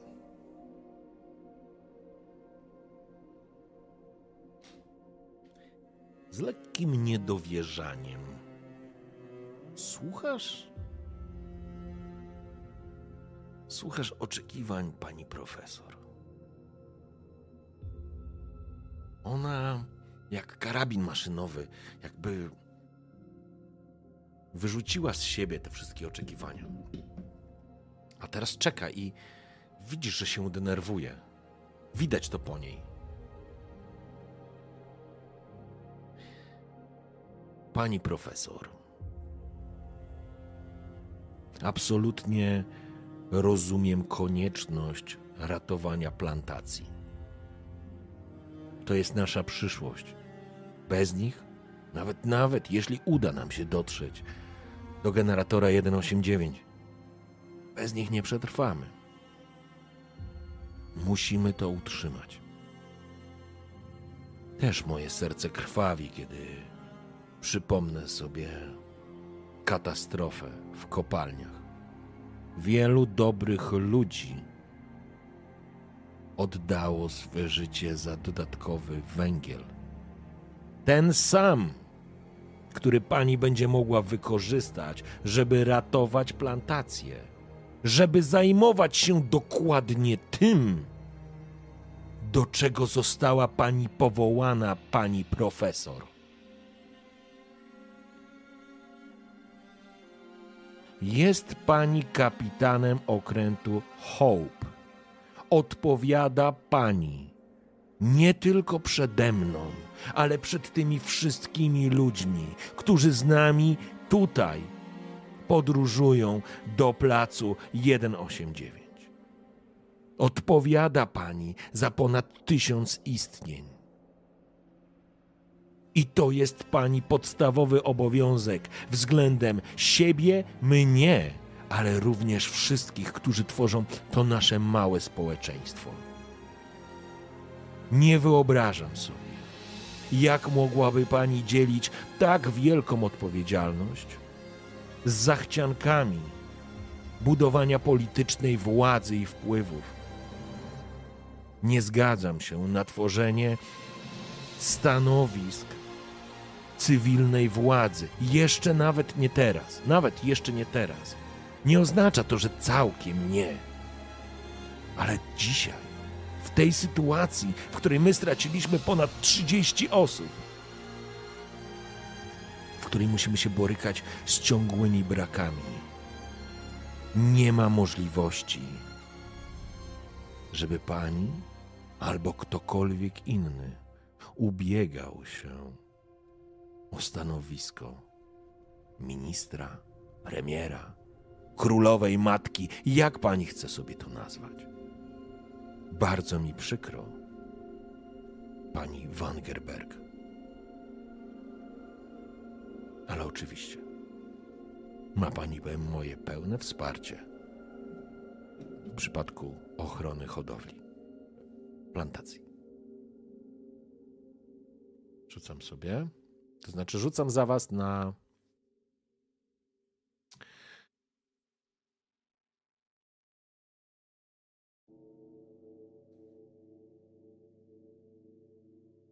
Na co rzucimy? Na intencję? Rzućmy na intencję. Może się w końcu uda. O, sukces z komplikacjami.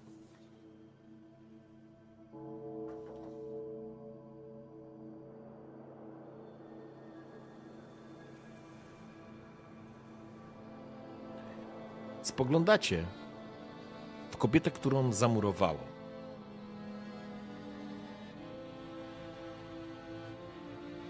Kiwa głową, jakby, jakby nie dowierzała.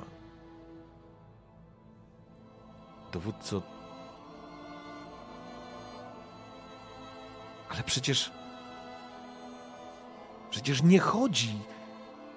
Do cholery jasnej, nie chodzi tu o moje ambicje polityczne. Dominiku, o czym ty mówisz? To jest absurd. Patrzycie na nią. I ponieważ mieliście sukces z komplikacjami, to znaczy, że możecie dostać mniej informacji niż moglibyście dostać w pełnym zakresie, to przyglądając się jej, macie wrażenie, odnosicie takie wrażenie, że ona mówi prawdę że ona faktycznie nie chce, nie jest powodowana czy motywowana chęcią politycznej władzy.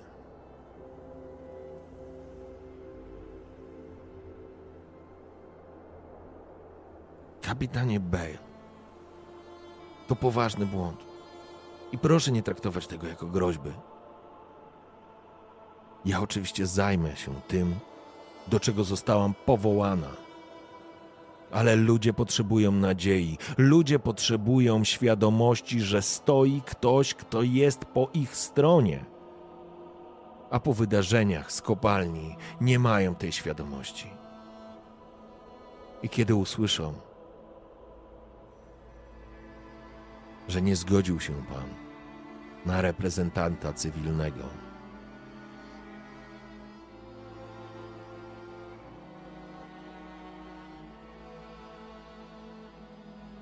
każdym razie.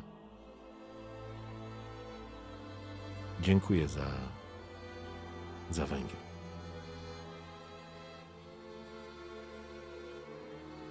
Amanda Wangerberg opuszcza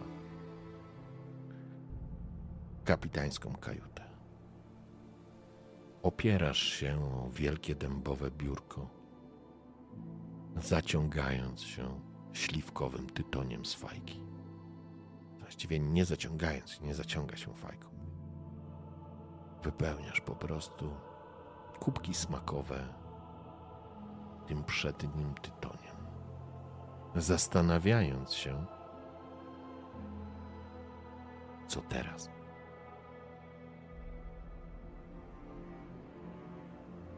Spoglądasz się w miejsce, w którym niedawno widziałeś swoją żonę Nie widzisz jej. Pukanie do drzwi, metaliczny dźwięk. Otwierają się ze skrzypnięciem. Staje w nich Victoria Cunningham. Prostuje się. Staje na baczność. Dowódco, wydałem dyspozycję odnośnie dystrybucji węgla na Hope. Chcę tylko powiedzieć, że podjął dowódca bardzo dobrą decyzję. Nie potrzebujemy tutaj mieszających się cywili. Oni naprawdę nie rozumieją, że bez nas dawno by zginęli. Musimy się skupić na tym, żeby przetrwać. Musimy się skupić, żeby przynajmniej część tej armady dotarła do generatora. Inaczej wszystko na nic. To bardzo dobra decyzja. Wierzę, że nam się uda. Jestem z panem. Obraca się i wychodzi. Kiedy wezwałeś Simona,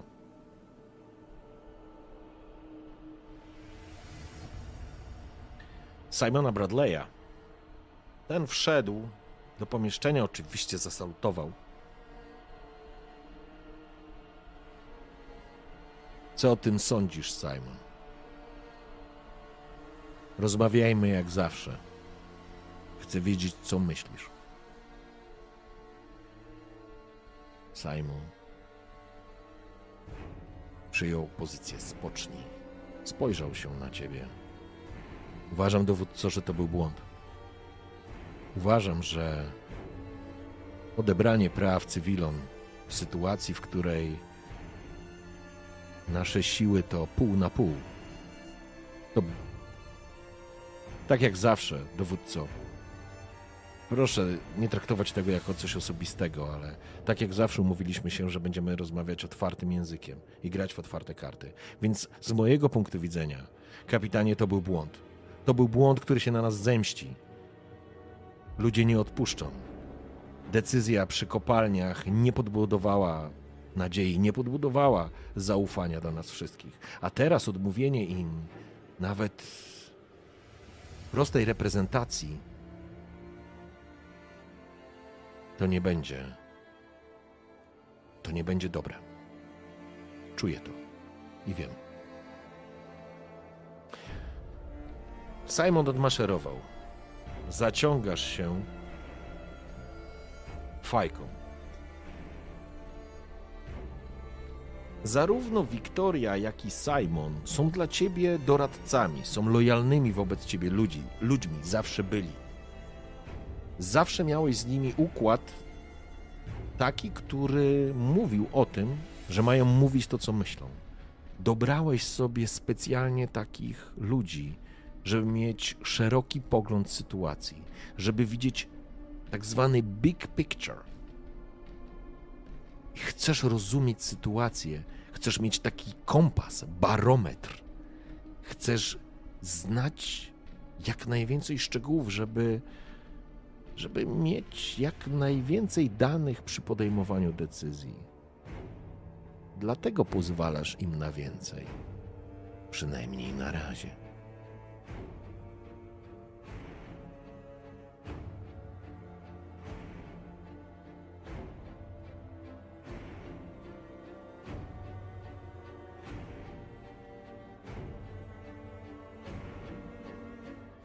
Amanda Wangerberg miała rację. Temperatura w kolejnych dniach spadła. Termometr pokazuje minus 60 stopni. Dostajesz tylko informację, że dzięki dodatkowym zasobom plantacje i uprawy są bezpieczne na Hope.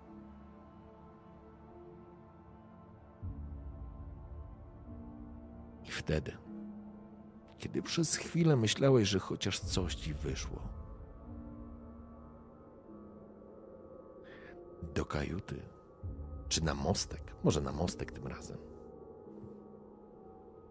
pojawiają się twoi doradcy. Kapitanie, mamy kłopot.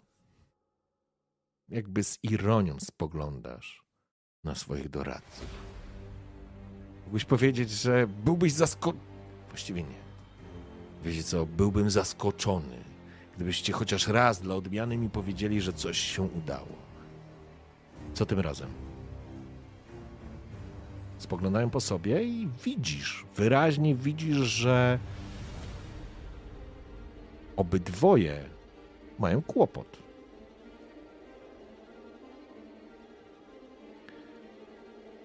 Kapitanie. Hope i Digger zablokowali dostawy na King's Pride. Możemy bazować tylko i wyłącznie na zapasach, które znajdują się w tym momencie na naszym okręcie, sir. Wyrecytował szybko Simon. Domagają się powołania cywilnego odpowiednika pańskiej funkcji. Chcą mieć władzę ludu. Inaczej nie wyślą dla nas żadnych zasobów. Mrużysz lekko oczy.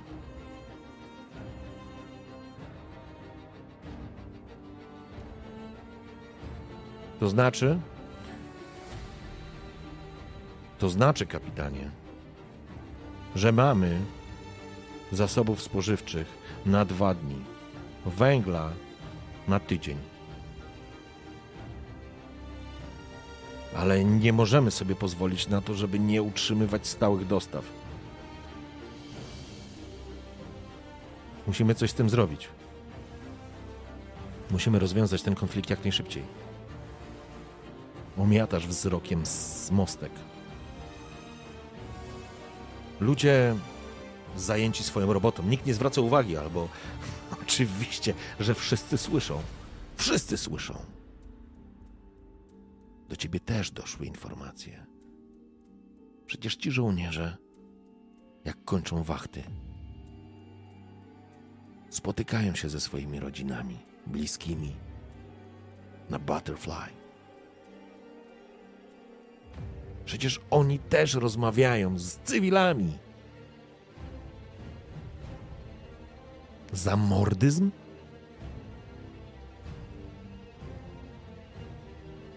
Nie zawsze się sprawdza. Sir, musimy podjąć decyzję.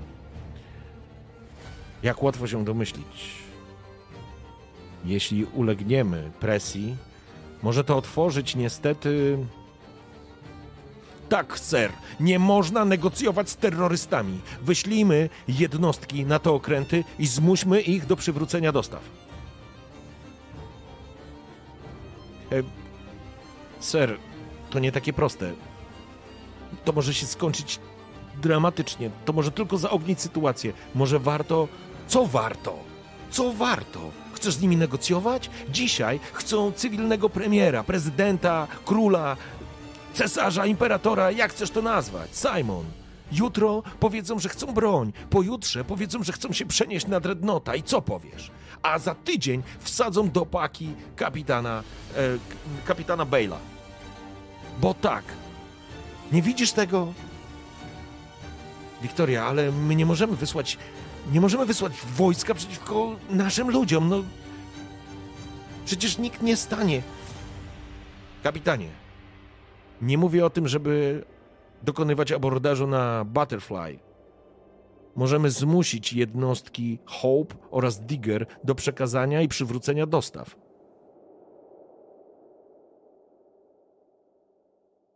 W żadnym wypadku nie rekomenduję zgody ugięcia się przed żądaniami. To już nie jest negocjacja, kapitanie to jest jawny bunt i próba szantażu i sabotażu całej misji.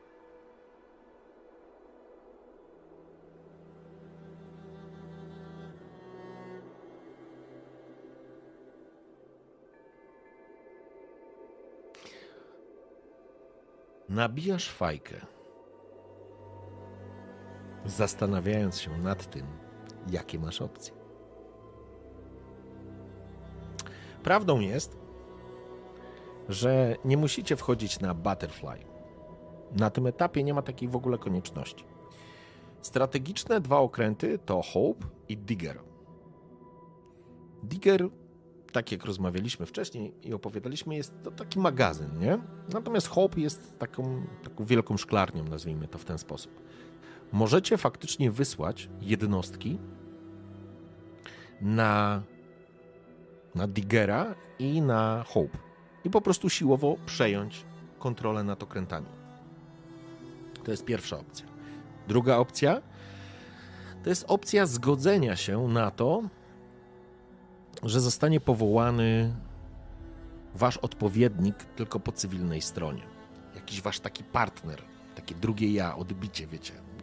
Funkcja teraz sekretarz, nazwijmy go. Sekretarz to tak komunistycznie brzmi, to może nie, ale przyjmijmy już tego premiera, niech to będzie premier. Eee, to jest druga rzecz. Trzecia rzecz, pozwalam, otwieram wam, jak, jak w grze komputerowej, słuchajcie, otwieram wam okna dialogowe.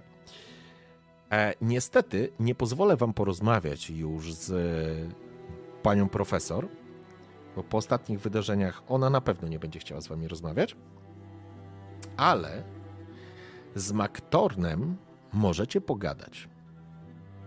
Więc możemy spróbować dogadać się z Maktornem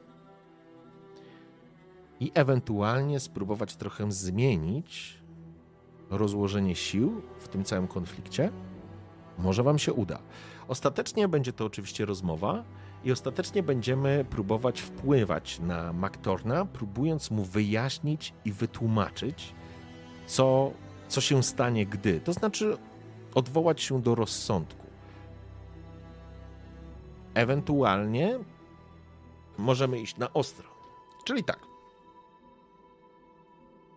Trzy opcje. Eee, pierwsza opcja przejęcie Hope i Diggera. Druga opcja zgoda na żądania, czyli powoła powołanie premiera, nazwijmy to w ten sposób premier. Trzecia opcja to jest e, to jest, to jest rozmowa, negocjacje, nazwijmy. No trzecia wpiszmy negocjacje po prostu. Jakiego nikt możesz to w ten sposób puścić, to byłoby spoko. Gdzie za negocjacje rozumiem, że będziecie mogli porozmawiać z Maktornem.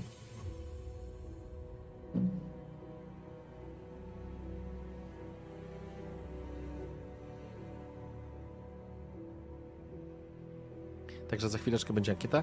Ja jak zwykle was się zapytam, jak w ogóle ta cała historia jak, to jest z punktu widzenia widza? Da się w to grać? Faktycznie macie jakieś wyobrażenie tej całej historii?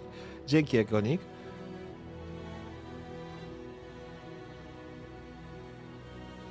Ciekaw jestem. Do abordażu, a tak. Dogadanie się z Maktornem. Pamiętajcie, że to dogadanie się z Maktornem to jest kwestia negocjacji, więc to będzie uzależnione od waszego sukcesu na przekonywanie, ale otworzy to kolejne możliwości.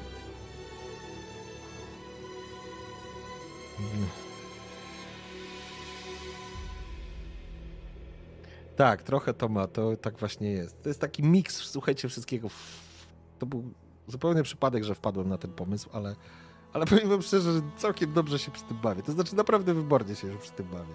O kurde, jak to idzie, ale chyba pójdziecie jednak na rozmowę z McTornem. Okej? Okay? Zobaczmy. Fajnie, cieszę się, że Wam się podoba. Zostawcie łapki na YouTubie, zostawcie ten cholerny YouTube, tylko w, jak są łapki, to w górę i komentarze, to wtedy pozwala zauważyć ten materiał. No właśnie obiecałem sobie, że w tym roku będę chciał tych e, sesji przynajmniej raz na dwa miechy zrobić. Albo no tak raz na miesiąc to byłoby już naprawdę super, gdybym mógł coś takiego robić. Chaos jaki niepocieszony. Po co inwestowaliśmy w przemoc, skoro nie możemy jej użyć? Ojej.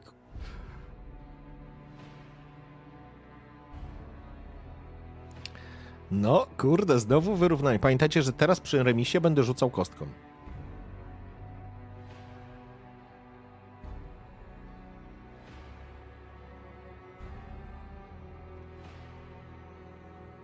No i dogadać się z McTornem. Słuchajcie, 73 do 68 głosów. Okej, w porządku.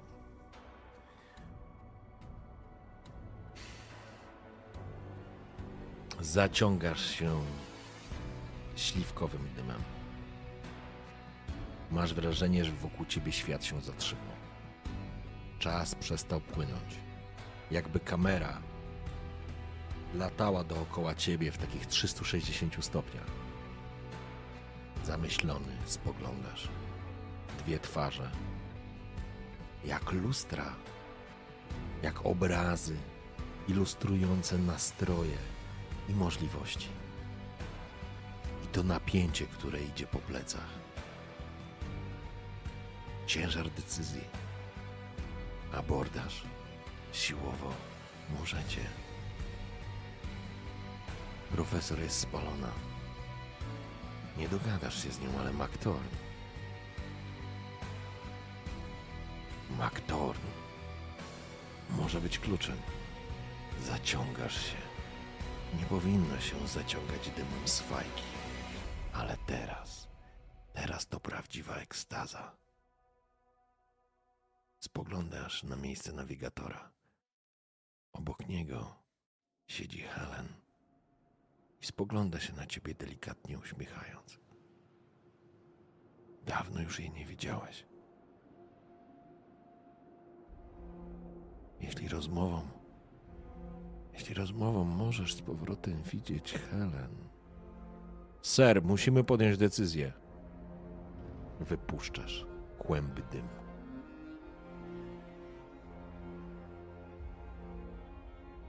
Połączcie mnie z Digerem. Chcę porozmawiać z Maktornem. Tak jest, sir.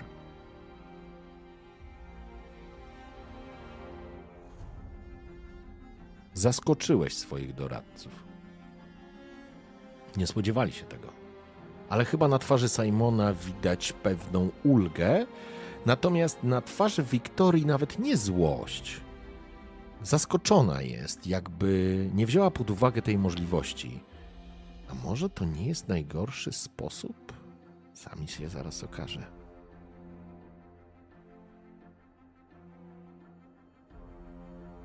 Podchodzisz do radia. McTorn? Tu Bale. Kapitan Bale. Słyszysz mnie? Moment. Korzystając z okazji.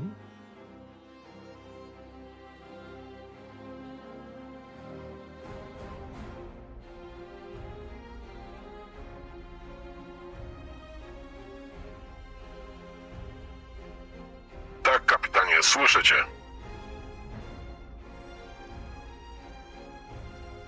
Musimy porozmawiać, McTorn. Ta sytuacja wymyka się spod kontroli. Co to za stawianie warunków? Do czego wy zmierzacie? McTorn, zawsze miałeś. Zawsze miałeś łeb na karku. Co to za pieprzenie?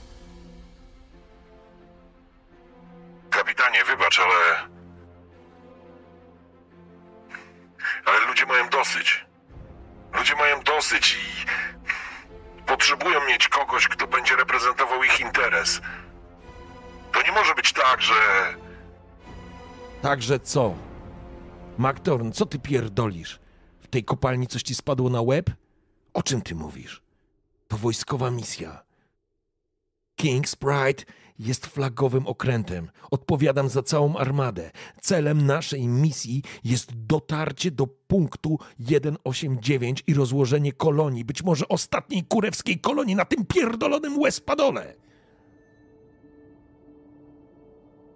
Kapitanie, ja rozumiem, ale. Ale to jest ponad pół tysiąca cywili. Poza naszą 32 i kolejnymi pięcioma, którzy nie wylizali się z ran.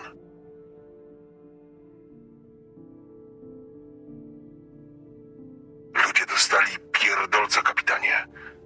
Oni muszą wiedzieć, że ktoś jest za nimi. A za kim ja kurwa jestem?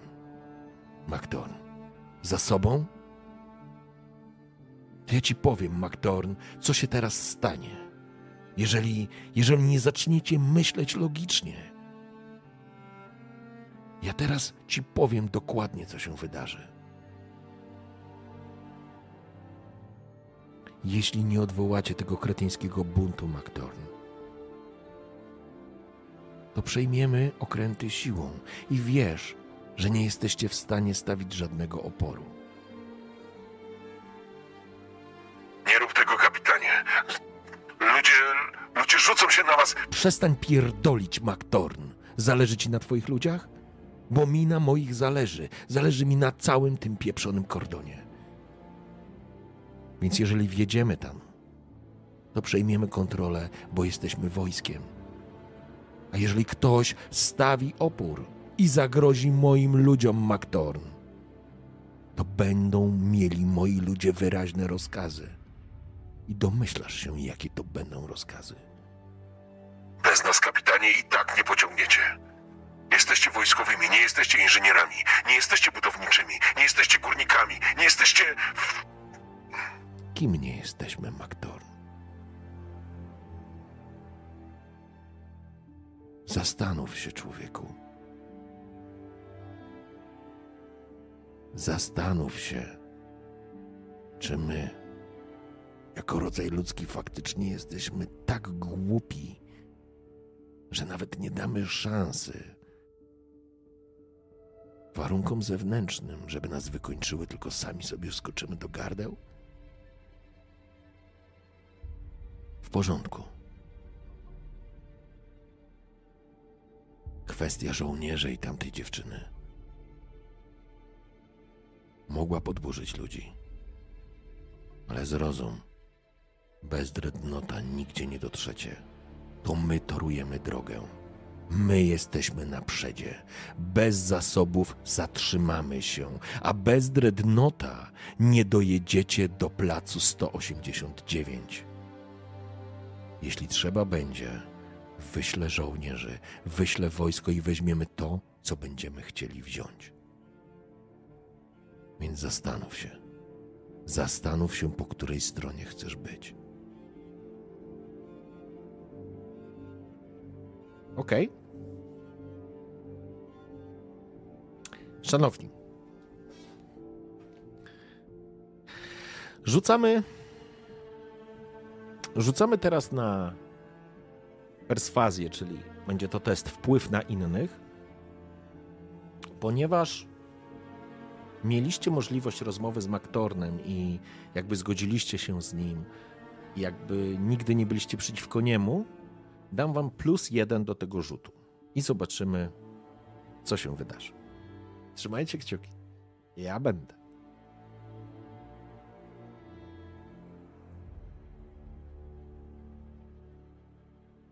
Sukces 15. Pełny, kompletny sukces.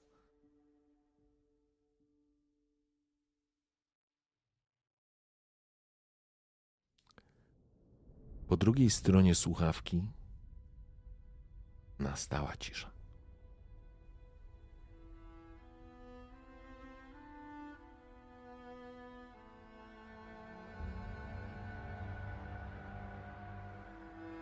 Kapitanie,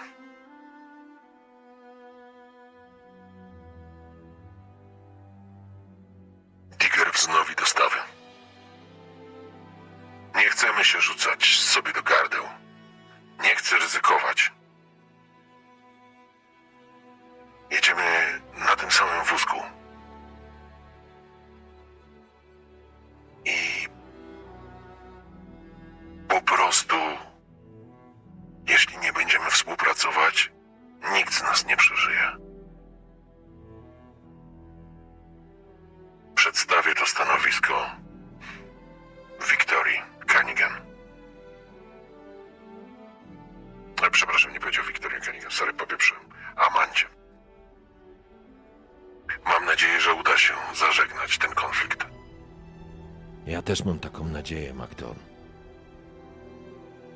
Cieszę się, że zdrowy rozsądek zatriumfował.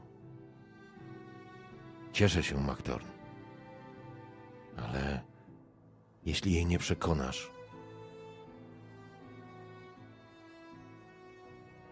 nie będę miał wyjścia.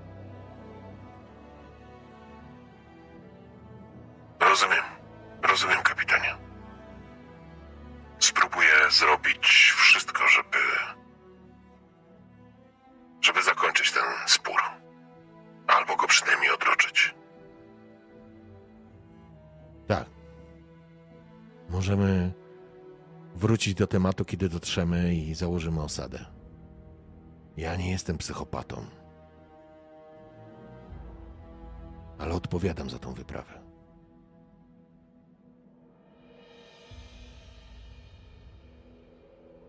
Okej. Słuchajcie. Udało się. Eee... Co tam? Co tam piszecie? Właśnie, zróbmy z niego premiera. Za słaby na premiera. Okej. Mm, Dobrze, słuchajcie. eee, Będziemy musieli rozstrzygnąć, czy czy Maktornowi udało się przekonać e, Amandę?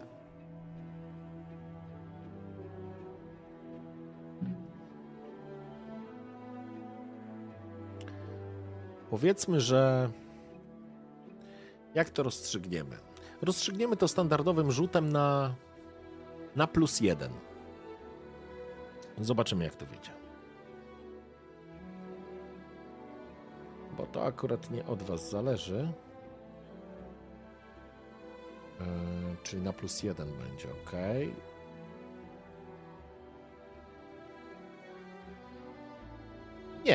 Nie, dam Wam na plus jeden. Polecimy na zero. Bo Amanda w końcu jest na Was wściekła. Rzucę to na rozezne intencje, to nie będzie znaczenia. Znaczenie będzie miało tylko wynik. Sukces z komplikacjami. Co to oznacza? To oznacza, że postać zrobi to, o co się prosi tą postać, ale mistrz gry wybiera jedną z możliwości. Postać żąda lepszego wynagrodzenia lub czegoś w zamian większego po prostu. W przyszłości sprawy się zagmatwają i postać teraz się zgadza, ale później zmieni zdanie i będzie żałować.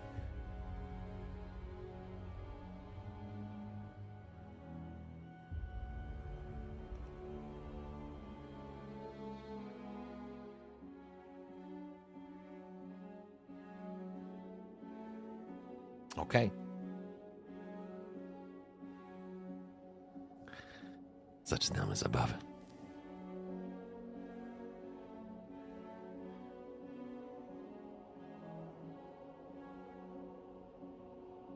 Wróciłeś do kajuty.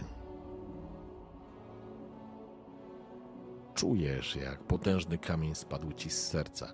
Oczywiście twoi doradcy oraz cały dreadnought jest w stanie alarmu, gotowy do działania. Dreadnought sam w sobie jest również jednostką wojskową, w takim sensie, że ma uzbrojenie na pokładzie i może po prostu otworzyć salwę w kierunku, dowolnym kierunku, to znaczy jest po prostu z burt. Więc on może ostrzelać również dany statek, załóżmy jedną z tych jednostek, nie byłoby problemu, ale jakby to nie jest e, teraz ostrzeliwanie się z tym statkiem, na razie jest decyzja co dalej.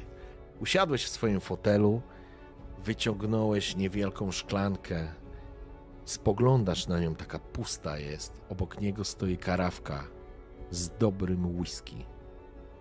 Jest jeszcze za wcześnie na to, żeby świętować. Ale dzisiaj, dzisiaj się napijesz. Stukasz tym, tą szklanką o swoje biurko. Spoglądasz na mapę, próbujesz ocenić, jak daleko jesteście, ile jeszcze przed wami, ile już podróżujecie i jak bardzo ta droga się już skomplikowała. A to dopiero początek, początek waszej podróży i przygody. Przygody cholernej walki o przeżycie.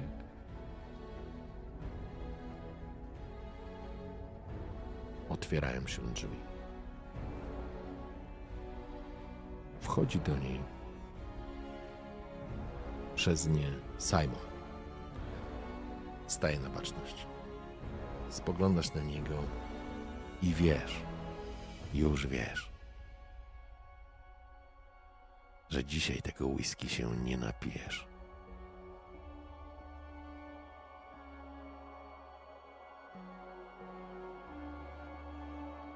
Kapitanie, dostaliśmy informację z Digera od inżyniera McTorna. Rozmawiał z profesor Wangerberg.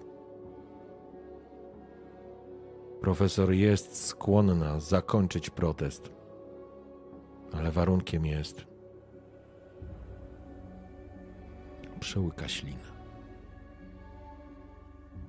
Warunkiem jest pokaz prawa i równości. Cywile żądają stracenia tych dwóch żołnierzy.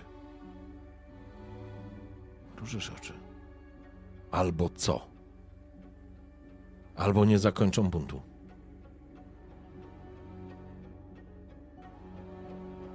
Mrużysz oczy.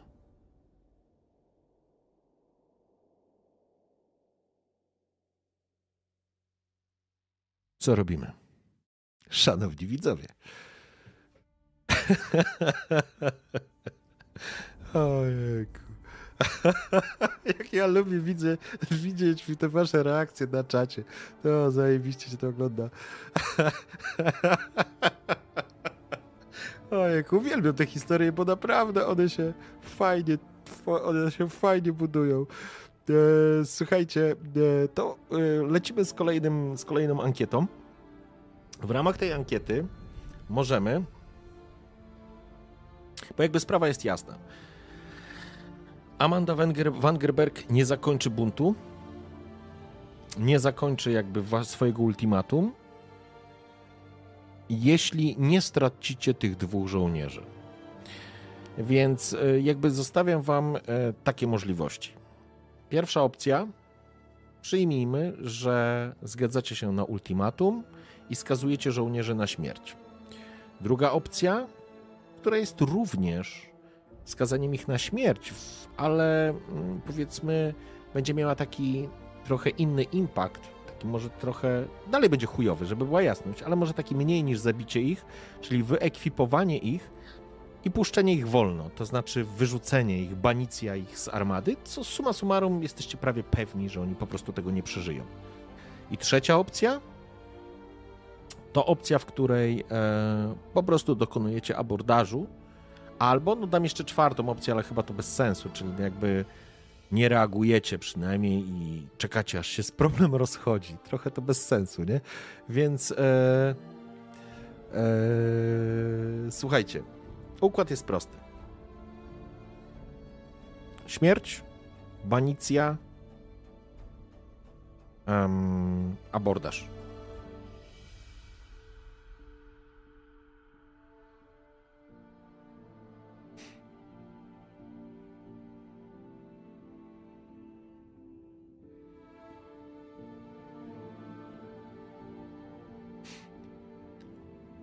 Ewentualnie, no jeżeli chcecie, Słuchajcie, okej, okay, bo tutaj jest, jeszcze się pojawia taka opcja, że sfałszowanie tej śmierci, ale to jest mocno ryzykowny plan, bo to może wyjść.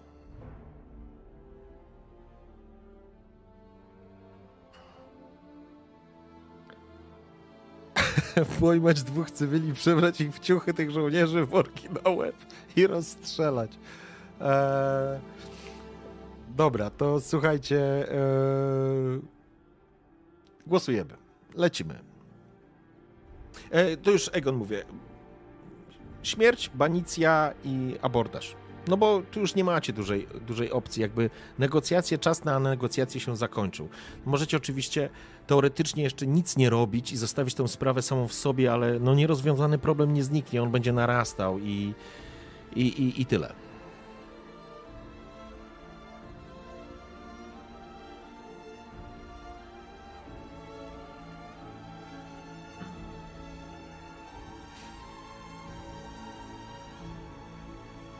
Dzięki piękne. Zapraszam do głosowania. Głosowanie odbywa się zawsze na Twitchu, więc e, za chwileczkę jeszcze jakby Megan mógł Cię poprosić o wrzucenie linka dla tych, którzy są na YouTubach, żeby po prostu sobie kliknęli i gdzieś tam z boku, żebyście mieli, słuchajcie, okienko, jeżeli wolicie na YouTubie oglądać. Natomiast prośba do wszystkich, zostawcie łapki na YouTubie, wbijcie na chwilę na YouTube i zostawcie łapki w górę. Widzę, że abordaż jest bardzo jasnym opcją 74% right now. Peace was never an option. ja bym tę kobietę wywalił też, ale ta kobita e, znajduje się teraz na Butterfly'u. Niech przemówi oszcze. o Boże.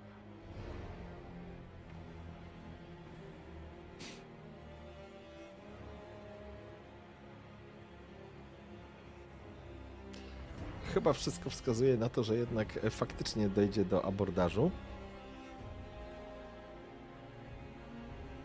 E, Egonik, zrobimy zaraz po tej ankiecie, będę potrzebował chwili przerwy, zrobimy sobie jakąś taką higieniczną żebyśmy, ja muszę też złapać oddech i, i muszę skorzystać jakby z higienicznej przerwy.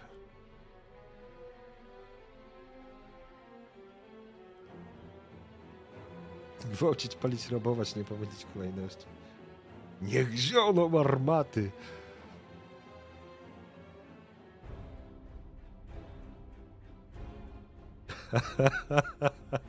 No dobrze, słuchajcie, wygląda na to. Ole ty, banicja żołnierzy podskoczyła na 44%. Ojojoj. Widzę, że się będzie działo. Będzie się działo, ale nie przeskoczy chyba już tego. Nie, abordaż 52%. E, dobrze, słuchajcie, e, robimy krótką przerwę higieniczną i wracamy za chwilkę i będziemy rozstrzygać waszą e, decyzję. Dziecko kapitana również nie żyje. Ona jakby Kobieta zmarła podczas porodu i to dziecko również nie zostało odratowane. Także słuchajcie, wracamy za chwileczkę. W porządku, słuchajcie. Yy, ja chciałbym tylko sobie jeszcze, o tutaj sprawdzić muzyczkę. Nie wiem, czy ona zagra.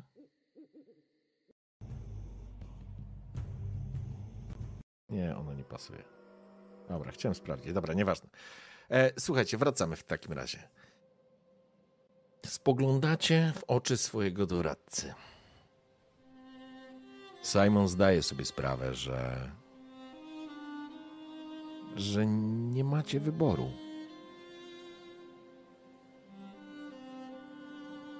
Że nie możecie teraz się cofnąć. On rozumie to. Chociaż konsekwencje mogą być różne. Spoglądasz na pustą szklankę do whisky.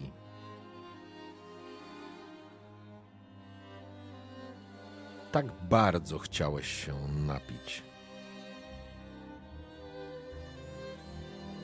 Tak bardzo chciałeś zakończyć tę sprawę tu i teraz. ale się nie da. Odkładasz szklankę.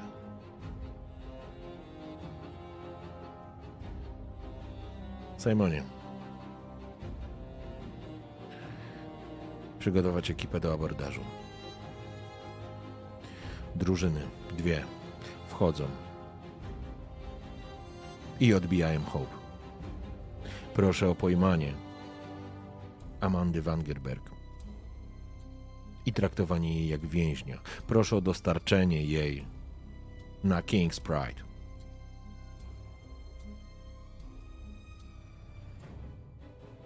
Podchodzisz do uchwytu, do takiej. To jest do komunikatora, nazwijmy to w ten sposób. Podnosisz słuchawkę. Mostek. Drugi poziom. Włączają się alarmy. pojawiało się, pojawiają się dzwonki i już wiesz, że wydałeś pozycję i dyspozycję do abordażu na Hope. Teraz, teraz tylko musicie wyczekać i odczekać ten moment, kiedy ekipa wejdzie na okręt i po prostu przejmie nad nim kontrolę. Schodzisz na, na mostek. Wiktoria spogląda się na ciebie. Wszystko gotowe, ser. Rozpocząć. Akcja przejęcia Hope rozpoczyna się. Teraz nie odgrywamy tego, rzecz jasna. Nie jesteście żołnierzem, rzecz jasna. Ale wasze dyrektywy, wasze rozkazy i wasze polecenia będą wpływać na efektywność tego zajęcia. Więc będziemy rzucać sobie na przemoc normalny test. I wynik tego testu będzie będzie określał, jaki mamy efekt tejże akcji.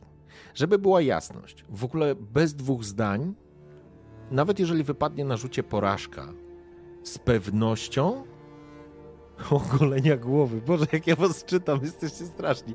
Słuchajcie, nawet jeżeli wypadnie porażka na tym teście, to i tak wojsko przejmie Hope. To w ogóle bez dwóch zdań. Ale jest haczyk. W zależności od tego, jaka będzie skala sukcesu, takie będą konsekwencje. Zatem, jeśli wypadnie porażka, oczywiście Hope zostanie zdobyte i przejęte w ogóle bez dwóch zdań, ale cena wzrośnie. Okej, okay. trzymam za was kciuki, żołnierze. Śniegołazy ruszyły pod osłoną nocy. Zaczynajmy zabawę. Przystąp do walki i przestępujemy. Porażka. Na plus trzy porażka. To się rzadko zdarza. Ale rzuciliśmy, słuchajcie, na kościach. E, gdzie to jest ten wynik? 3 plus 0? Nie, coś tutaj. Nie wiem, czemu tutaj jest. 2d10 plus 3 plus 0. No to musiałem rzucić 5 tak naprawdę, no. To musiałem rzucić 5 na dwóch kościach 2D, dwóch K10 musiałem rzucić w sumie piątkę. Kochani, ja mam po prostu takie rzuty. Ja naprawdę nie potrafię tego inaczej określić, ale czasami tak jest. To nie jest ustawka absolutnie żadna. Słuchajcie, zatem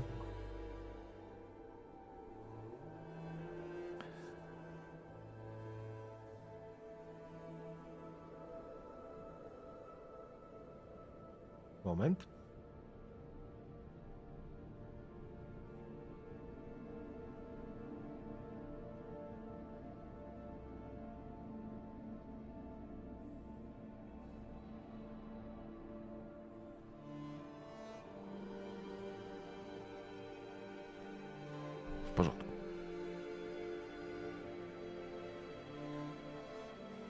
Czekacie na mostku na informację, na zwrotkę. Czy się udało?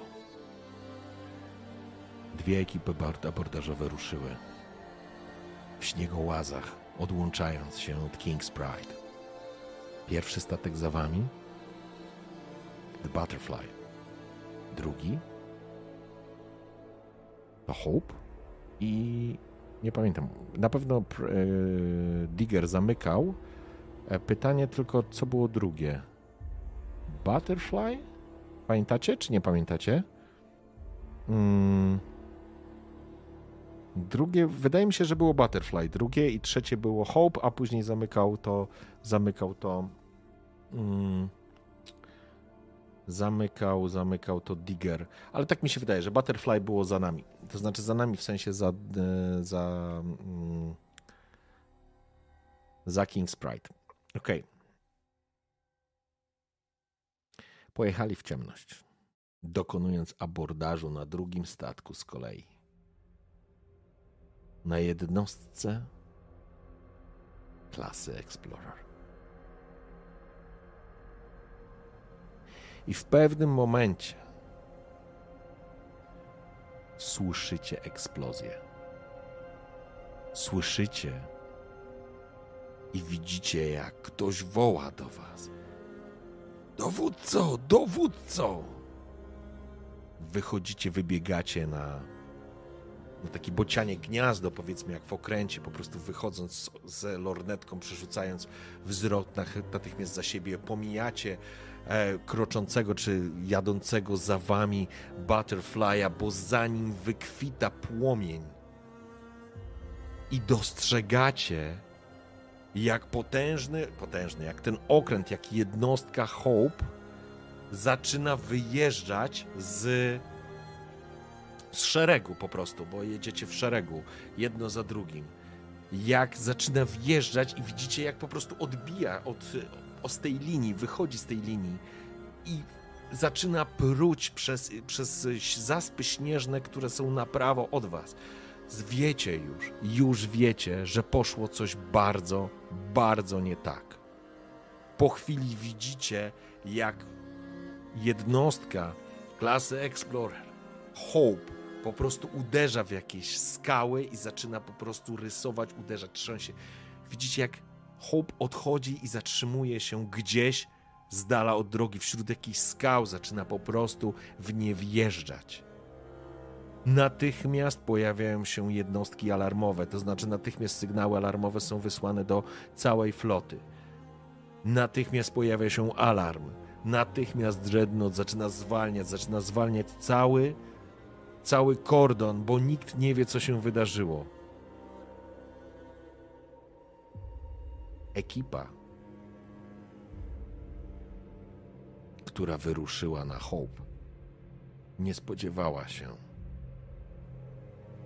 nie spodziewała się takiego oporu. Ekipa, która wyruszyła na Hope, nie była gotowa strzelać do swoich. Ekipa, która wyruszyła na Hope,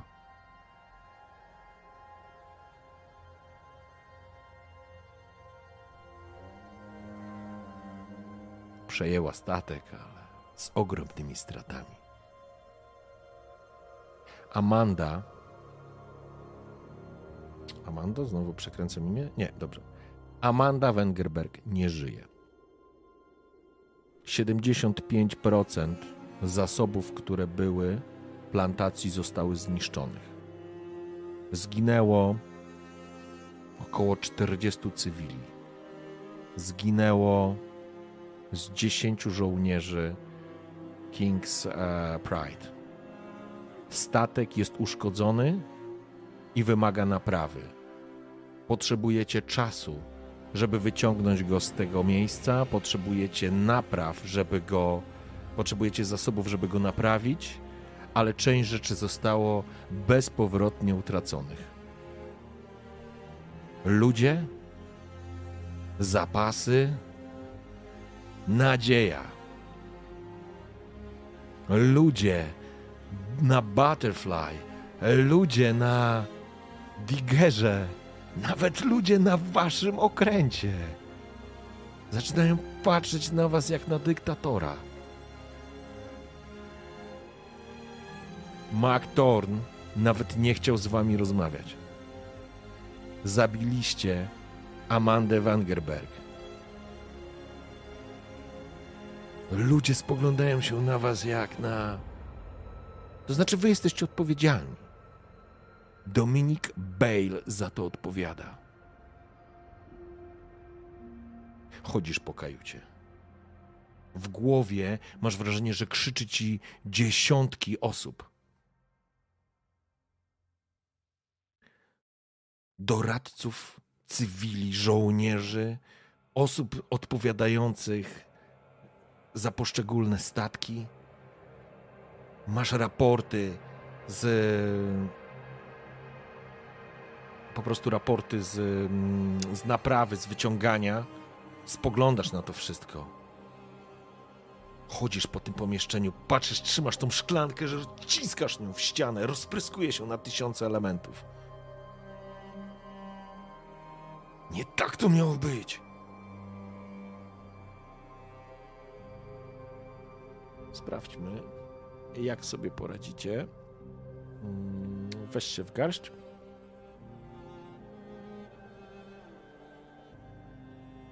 Sukces z komplikacjami. A gdzie jest ta karteczka? O, tu jest ta karteczka.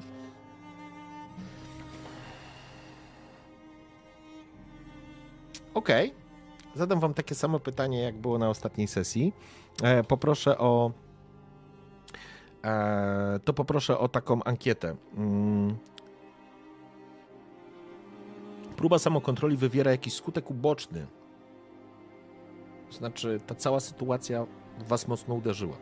Absolutnie nie zakładaliście takiego scenariusza. Chcieliście, żeby ona po prostu była na okręcie, jakimś tam brygu, zamknięta przez jakiś czas, to by się wszystko ułożyło. Ale doszło do, do sytuacji, która wymknęła się absolutnie spod kontroli. E, W związku z czym, słuchajcie, proszę, proszę Egon o odpalenie takiej ankiety. Ogarniacie się, ale dopada was gniew, ogarniacie się, ale dopada was smutek, ogarniacie się, ale dopada was strach. Nie, strach nie. Gniew, smutek, poczucie winy.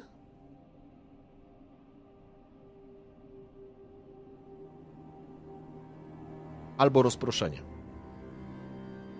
Co to oznacza? To znaczy, że jeżeli wy wybierzecie gniew, smutek albo poczucie winy, to znaczy, że ogarniecie się, ale, ale Dominik, na, na łeb mu siądzie ta emocja. Albo będzie w, po prostu w, działał w takim w afekcie gniewu, albo, albo poczucia winy, albo smutku z tego, co się wydarzyło, ale się ogarnie, natomiast to mu siądzie na łeb, albo dostanie takie rozproszenie, to znaczy, że on w ogóle nie będzie zdolny do podejmowania decyzji w jakimś czasie.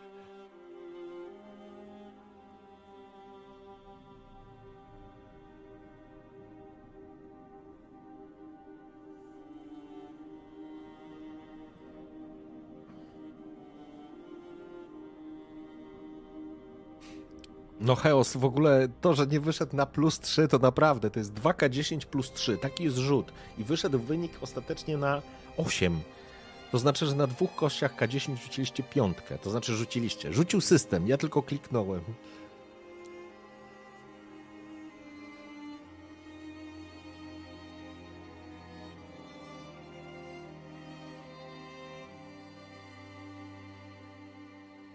Wybierzcie, jak zareaguje Dominik.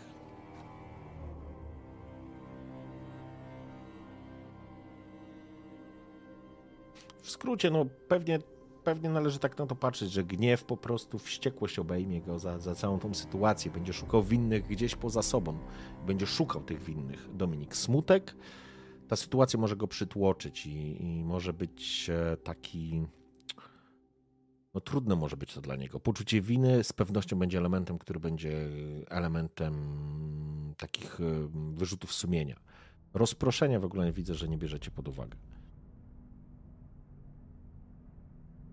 Smutek będzie to, powiedzmy, bardziej na miękko to będzie starał się rozładować, nie? Gniew będzie na ostro, tak to należy, należy na to patrzeć.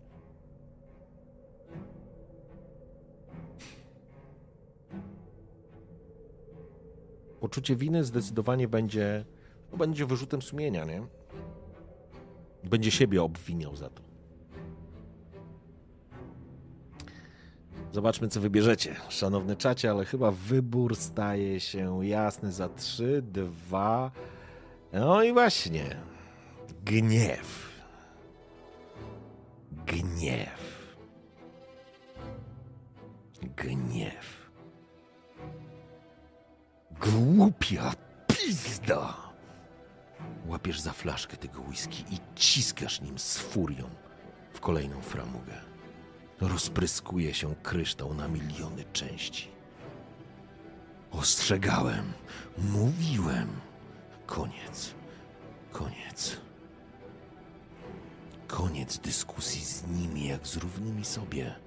Jesteśmy żołnierzami. My odpowiadamy za tę misję. Są cywilami i będą wykonywać nasze polecenia. Nie ma innego wyjścia. Inaczej, inaczej to wszystko szlak trafi.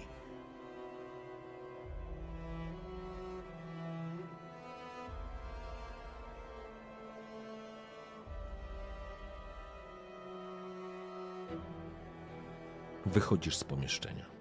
Schodzisz na mostek. Trzymasz w ręku raporty. Spoglądasz się zimnym okiem Twoje spojrzenie nie ma emocji.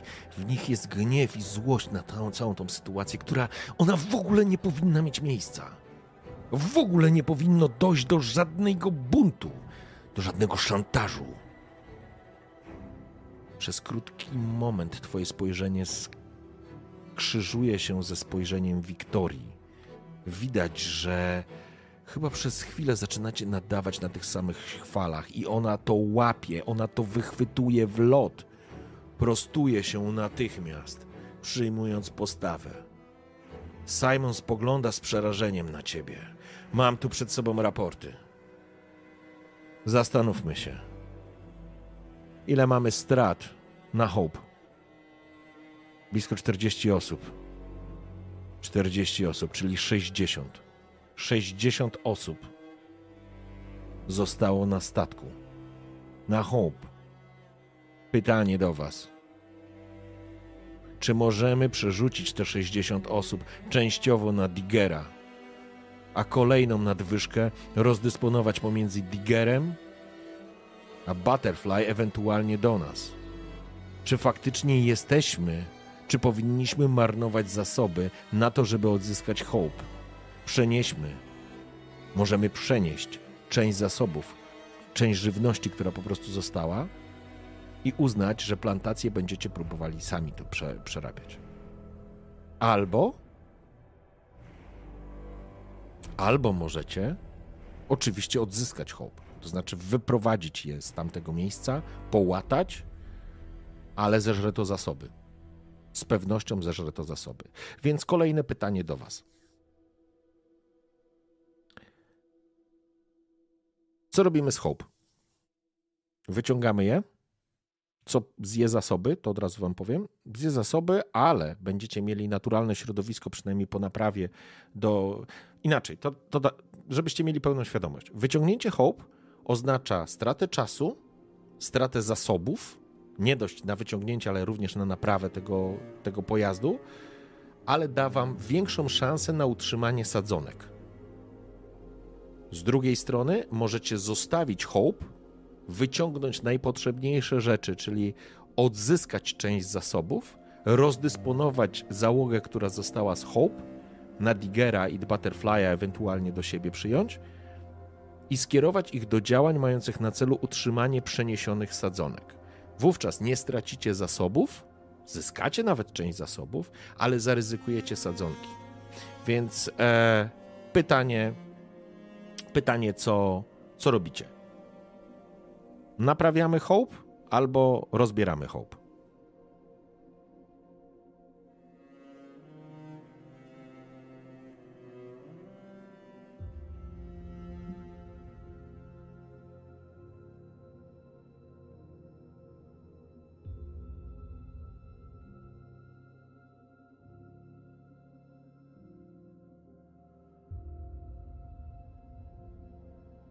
A szansa na przeżycie sadzonek poza Hope jest dużo niższa, bo jakby trzeba będzie stworzyć habitat na jednym z okrętów. Prawdopodobnie będziecie chcieli to już mieć kontrolę e, po swojej stronie, więc pewnie na mm, Dreadnoughtie. Sorry.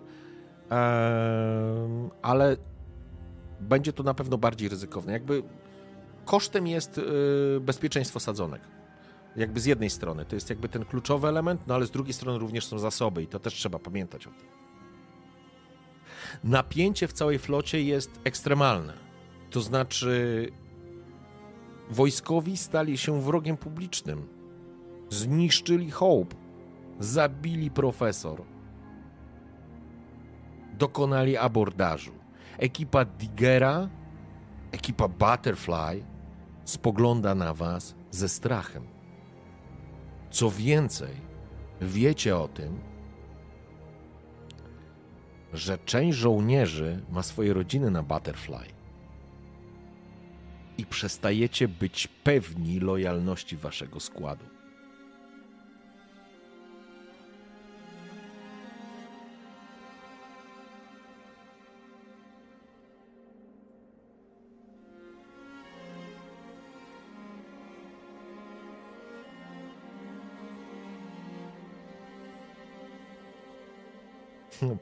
Pół na pół.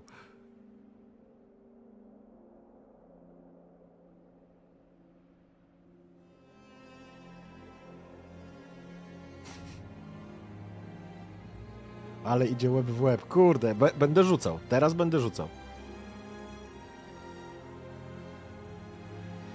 Jednak wyciągamy to, co potrzebne. Jednym głosem. Słuchajcie, jednym głosem.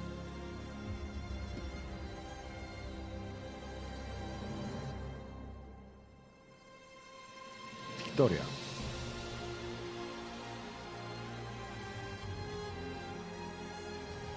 Sir, to jedyne logiczne rozwiązanie. Przenieśmy to, co się da, na Dreadnoughta. Przerzućmy tutaj część specjalistów, którzy będą za to odpowiadać. Wyposażmy to tak, jak możemy. Będziemy mieli kontrolę nad sadzonkami i częścią żywności, która jest dla nas istotna po rozbiciu obozu i założeniu nowego miasta. Zostawmy Hope. Zabierzmy najważniejsze rzeczy. Uzyskamy na tym czas i zasoby.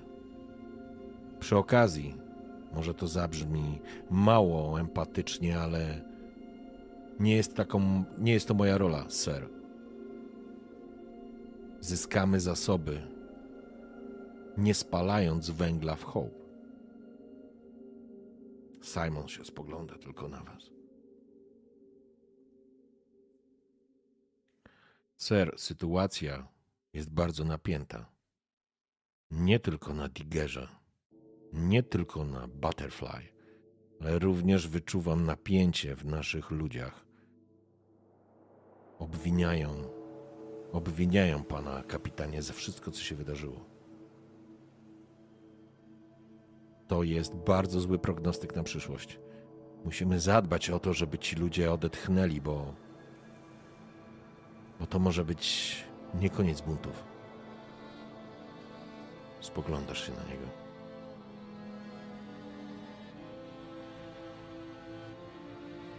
Wiktoria spogląda na ciebie stalowym wzrokiem, który tak współgra teraz z tym gniewem gdzieś ukrytym w sobie. Jesteś dowódcą, nie jesteś furiatem, który publicznie będzie krzyczał, rwał włosy z głowy. Nie! Ale w środku, w środku się gotujesz. Chciałbyś chciałbyś ukarać jeszcze raz tych, którzy byli winni. Bo nie, bo przecież nie my. Wydajesz polecenia. Hope zostanie rozebrana. Polecenie jest jasne. Proszę przekazać je kapitanom obu innych jednostek, obu pozostałych jednostek. Nie będę tolerował żadnego sprzeciwu. Zabawa w demokrację w chwili, kiedy wszyscy walczymy o życie i lepsze jutro spowodowała to, co spowodowała. Jeśli ktoś tego nie rozumie, może opuścić armadę.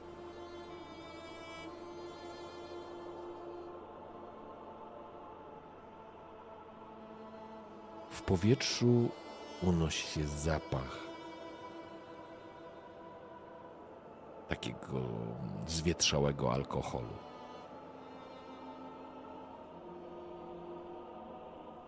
Hope została rozebrana w zakresie niepełnym, rzecz jasna, bo byście musieli to robić przez ładnych kilka dni, a na to nikt nie miał czasu.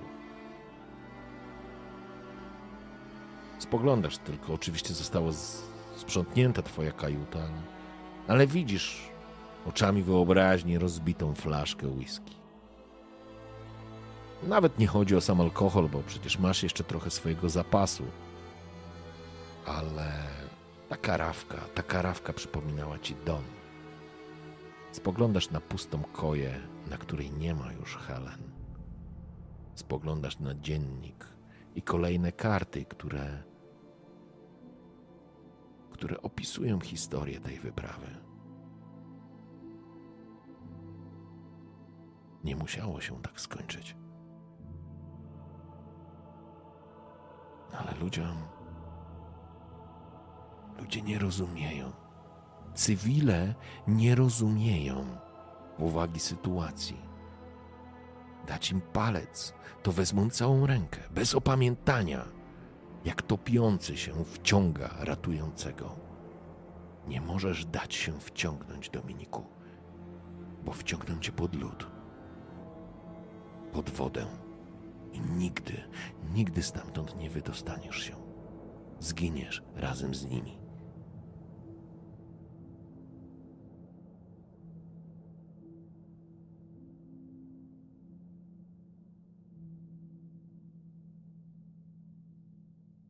Zapisujesz kolejną kartę.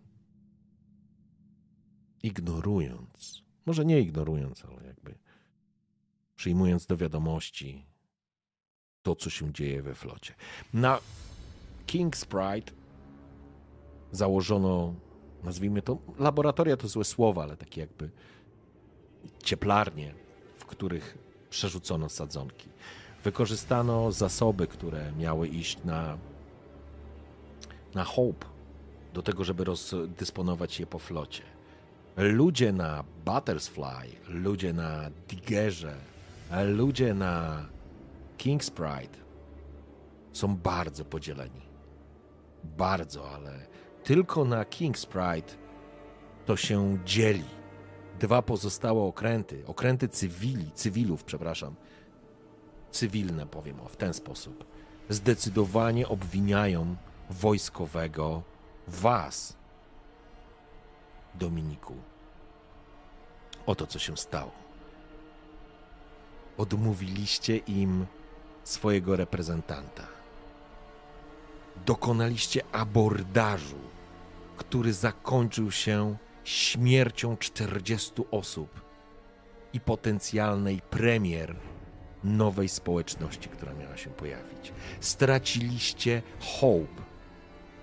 Zaryzykowaliście sadzonki, przyciągnięcie na okręt wojenny, który nie jest dostosowany.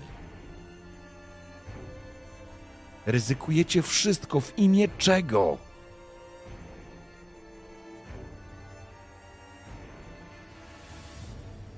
Tylko ja wiem, jak doprowadzić ich na 189. Kropka.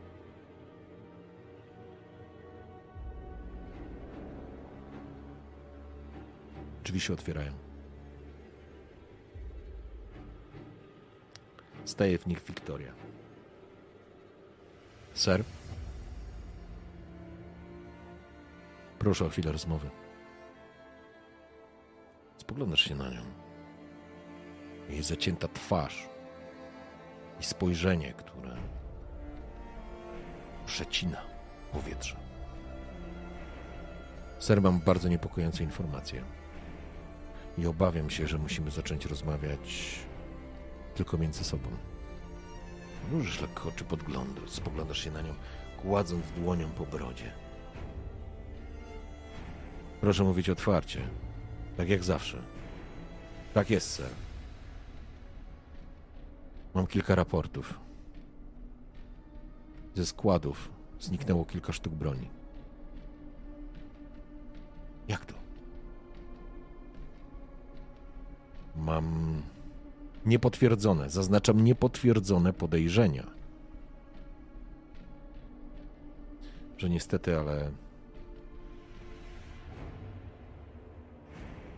popularność spadła bardzo mocno. Nawet tutaj.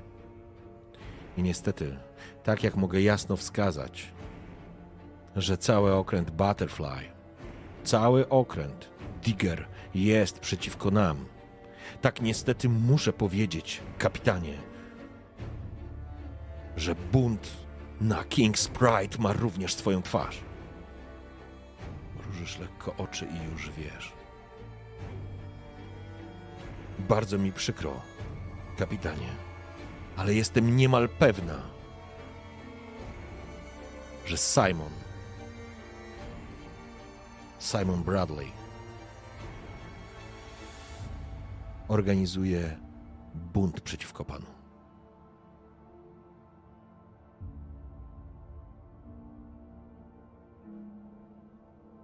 czujesz,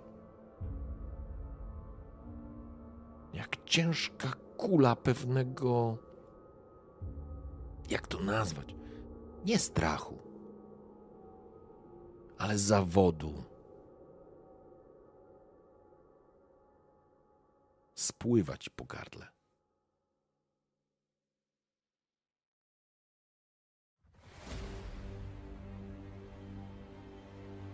Te informacje nie są potwierdzone. Nie mam dowodu, ale faktem jest, że z kilku składów zniknęły pojedyncze sztuki broni i amunicja. To jest potwierdzone, to jest w raportach. Kapitanie, ja jestem lojalna. Absolutnie wspieram wszystkie pańskie decyzje. Uważam, że to jedyna droga, żeby zaprowadzić chociaż część tych ludzi do generatora i tam spróbować rozpocząć życie inaczej. To wszystko się rozpadnie. Proszę zobaczyć. Zamilcz. Wiem, co chcesz powiedzieć. Ale oczekujesz ode mnie, że podejmę decyzję. Ser, zdaję sobie sprawę, że to niezwykle trudna decyzja. Simon jest dla mnie jak brat, ale w tej sytuacji podnosi na was swoje oczy. Nie mamy wyboru. Albo my, albo oni, ser.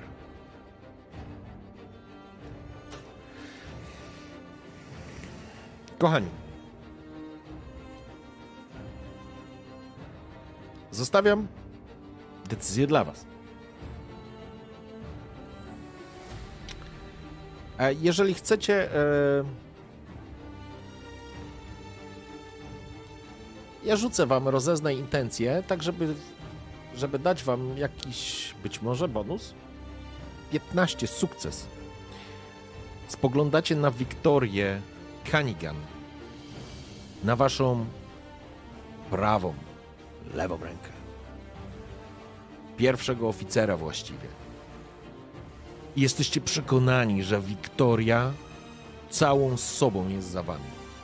Choćby nie wiadomo, co się działo, stanie za wami. Prawdą jest, że nie macie dowodów na to, że Bradley zdradził.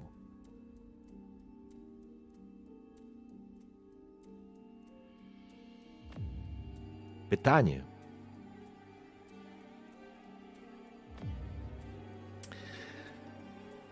Żeby rozbudować wam trochę możliwości, kurde, już dwa- 20 po, po 12, y, po 11, cholera. E, słuchajcie, żeby żeby rozbudować Wam możliwość, e, pozwolę Wam tak.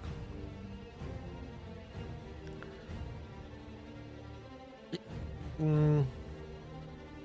Chcecie rozmawiać z, z Bradleyem?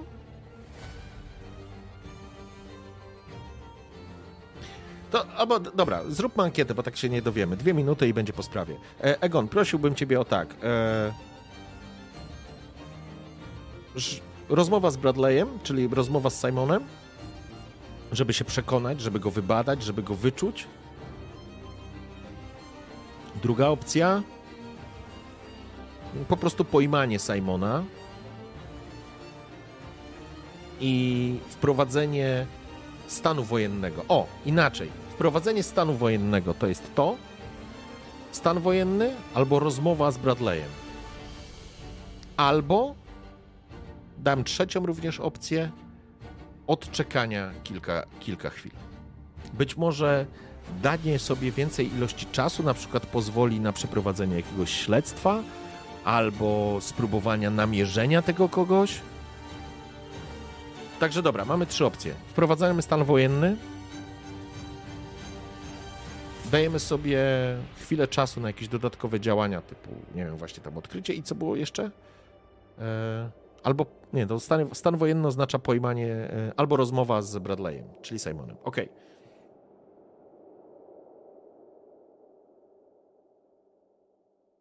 Samobójstwo. Nie no, jeszcze to nie jest ten moment.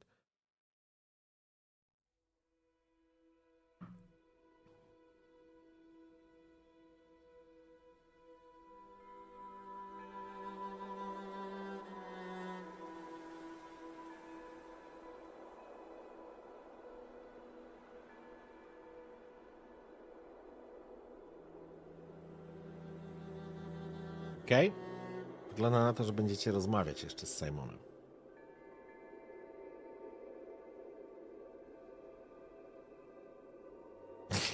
Powiedzmy, że wiem, że zdradziła Wiktoria, niech siedzi w szafie.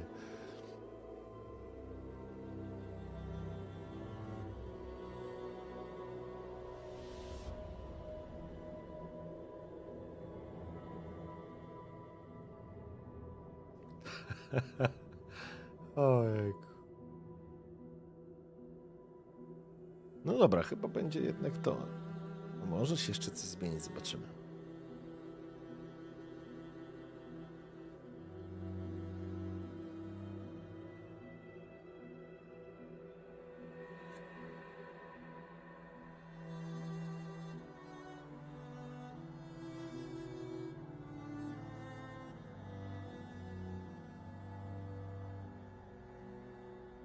Wiktoria siedzi w szafie, jak ktoś wchodzi do szefa. o Boże.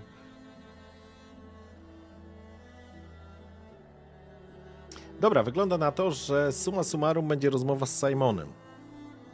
Więc jakby spoglądacie na Wiktorię, przyjmując do wiadomości jej raport. Ale musicie się przekonać. Musicie sami spojrzeć w oczy Simona i wierzycie, że znacie go na tyle dobrze, że będziecie w stanie wyczytać, co mu siedzi w głowie. Odprawiacie Wiktorię. Zaciągacie się fajkowym dymem. Zdajcie sobie sprawę, że siedzicie na beczce prochu. Wyzywacie Simona.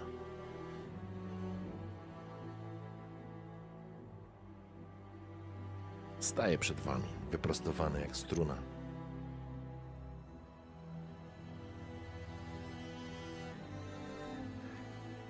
Czy przeprowadziliście śledztwo w sprawie zaginionych sztuk broni?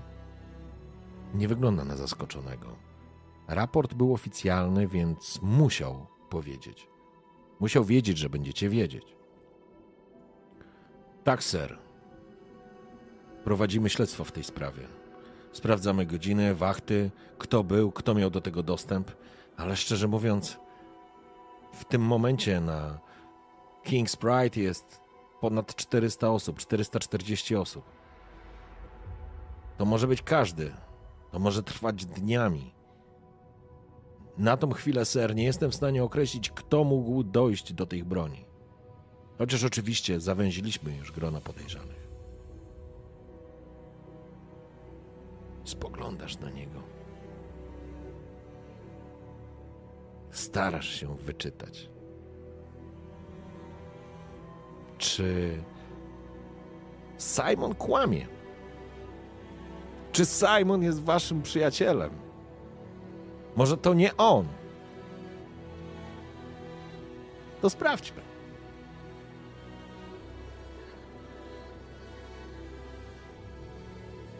Jedną rzecz jeszcze sprawdzę.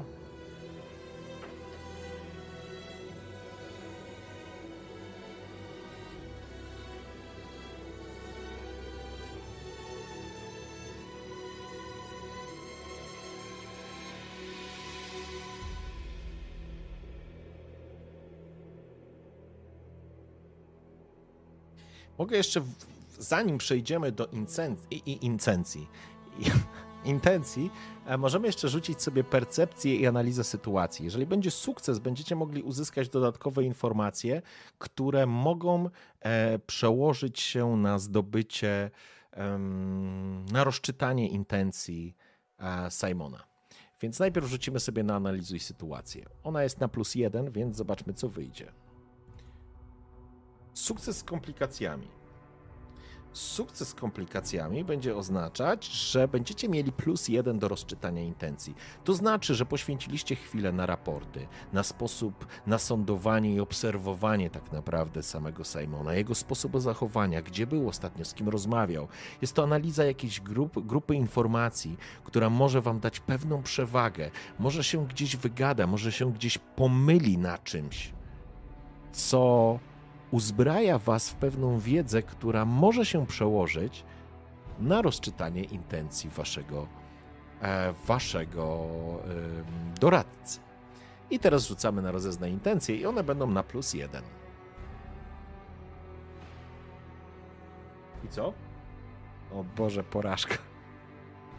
Ojejku, ja to po prostu mam fantastyczne rzuty dzisiaj. Yy, kochani, nawet jakbym chciał, spoglądacie w Simona, nie macie twardych dowodów. Macie tylko słowo Wiktorii. Macie przed sobą Simona, który zawsze był lojalny wobec was.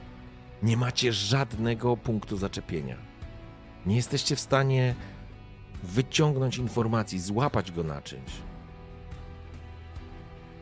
Zostawiam wam decyzję. Co robimy? Przerzut od czatu? Dobra, wiecie co? Dam wam przerzut. Dam wam przerzut. Dam wam przerzut nawet z tą samą... E, e, z tą samą, słuchajcie... Wiem, że chcecie mieć krew na rękach, ale z czystym sumieniem, więc dobrze. E, zrobimy tak. Ja wam dam ten przerzut.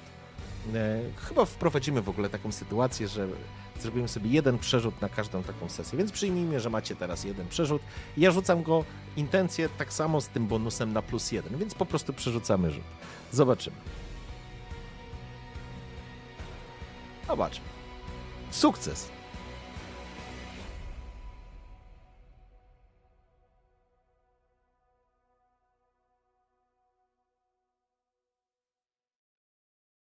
Spoglądacie w oczy swojego doradcy.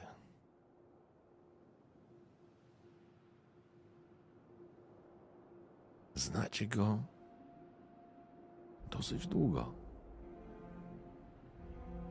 Był w stu procentach lojalny wobec Was. Kiedy przygotowywaliście się do podróży, kiedy eksodus był planowany, dawał z siebie wszystko. Był tym, który rozwiązywał problemy, był tym, który łączy, był pomostem pomiędzy wojskiem a cywilami był pomostem łączący różne interesy. Potrafił wyjaśnić, potrafił wstawić się za jednymi, za drugimi, potrafił znajdować argumenty, które łączyły ludzi. Patrzycie w twarz tego młodego człowieka, który był dla was oddanym żołnierzem, doradcą, kimś bliższym, kimś, komu ufaliście, kimś, kto, kto naprawdę trzymał za was kciuki, za kogo dalibyście się pokroić. Dokładnie tak samo jak Wiktoria ale prezentował zupełnie inne podejście. Zupełnie inne podejście. On stawiał na coś innego. On był po stronie porozumienia, po stronie ludzi, ale czy wydarzenia, które miały miejsce, mogłyby tak mocno zachwiać jego lojalnością?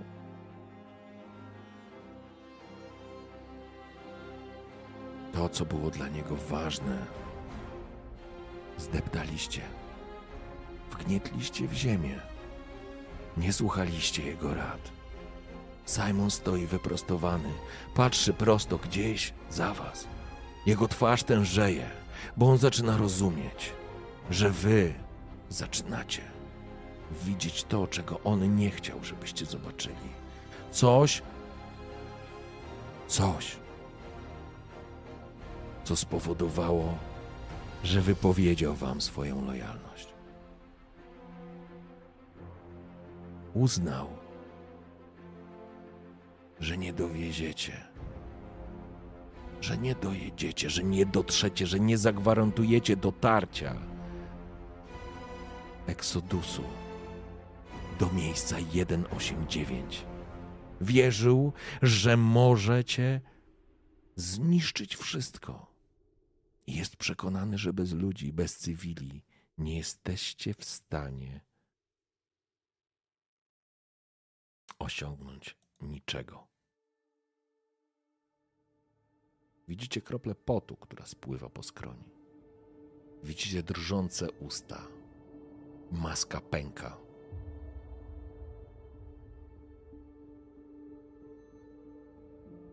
Spogląda się na was. Widzicie, jak jego oczy wypełniają się łzami. Byłem dla ciebie, Dominiku, zawsze. Ale teraz Zawiodłeś, zawiodłeś nas wszystkich. Nie mam innego wyjścia. Nie mam innego wyjścia. Sięga po pistolet przy pasie. Wyciąga i kiedy lufa wyprowadza, tak powiem, ustawia się wprost na was. Zapraszam na przemoc. Rzucajmy sobie na przystąp do walki.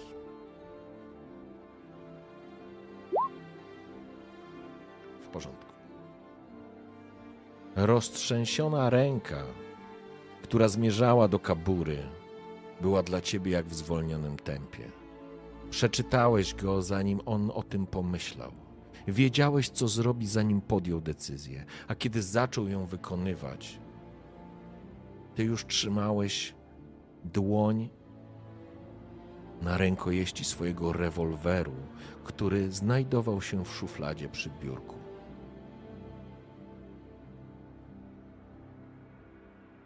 Zdrajca.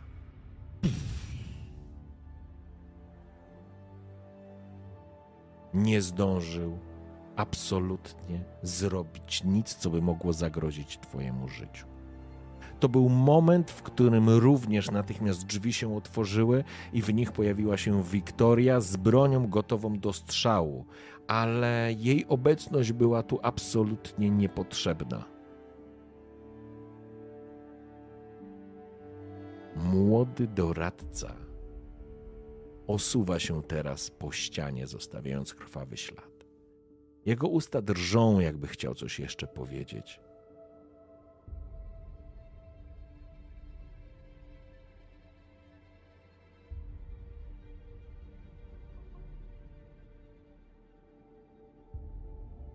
Wiktoria wpada do tego pomieszczenia. Spogląda się tylko i natychmiast rzuca w twoją stronę spojrzenie. Ser, czy wszystko w porządku? Siedzisz oparty na swoim skórzanym fotelu. Dym z lufy się unosi. Wiesz, że przekroczyliście kolejną linię. Ser, musimy wprowadzić stan wojenny. Musimy przejąć kontrolę nad konwojem. Inaczej dojdzie do buntu. Musimy ich zdławić. Tu i teraz. Kapitanie, jaka jest decyzja? Kochani, poproszę ankietę. Stan wojenny czy nie?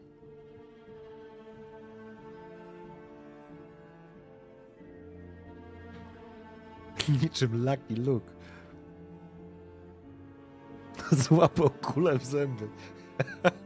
Nie no, dziewiętnastka na przystęp do walki, słuchajcie.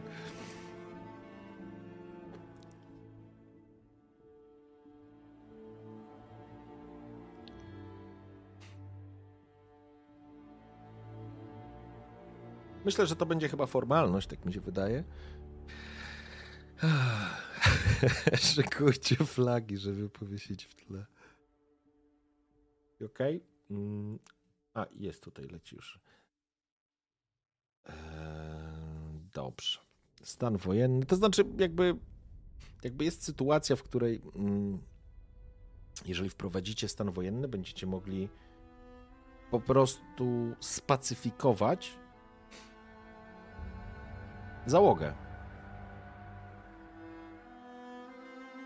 I bo tak jak powiedziałem, siedzicie na beczce prochu.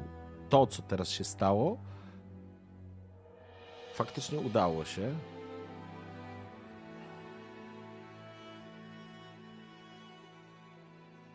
Dobrze, myślę, że jakby chyba się tutaj nic nie zmieni. Jakby brak wprowadzenia e, stanu wojennego nie doprowadziłby do. nie byłby uzasadniony w tym momencie. Tak mi się wydaje.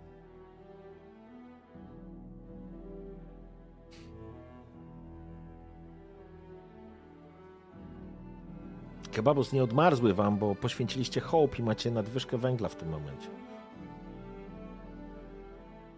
Dobrze, e, więc to jest już e, jakby zamknięty wątek, więc przyjmujemy, że po prostu wchodzimy ze stanu wojennego. E, stanu wojennego. Okej. Okay.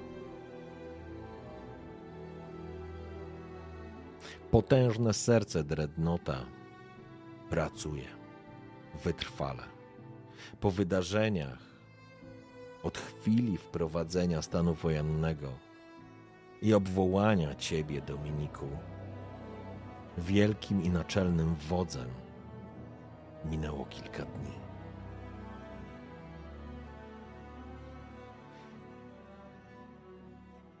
Żołnierze i tajna policja wewnętrzna, służba bezpieczeństwa wyłapała zdrajców. Wyłapała tych, którzy knuli, którzy byli gotowi stanąć przeciwko Tobie, którzy byli gotowi zaryzykować los całej wyprawy. Zamaszystym dopisujesz stronę i czekasz chwilę, aż atrament wyschnie na kartach tego dziennika. To była kwestia czasu. Bez wsparcia wojskowego nikt nie mógł się sprzeciwić załodze King's Pride. Jednostki wojskowe zostały rozproszone, może nie rozproszone, zostały wysłane na Digera i zostały wysłane na Butterfly. Zaczęły wyłapywać tych, którzy knuli spiskowców, sabotażystów. Doszło do otwartych walk. Rodziny żołnierzy przyłączyły się do nich. Dla bezpieczeństwa przyciągnęliście ich na Dreadnota, aby zapewnić sobie stuprocentową lojalność załogi. A później, a później doszło do tego, co musiało dojść do systemowego, systematycznego wyłapywania tych, którzy nie rozumieli, że ty musisz, Dominiku. Że ty po prostu musisz wybrać mniejsze zło. W wyniku walk straciło życie kilkadziesiąt osób.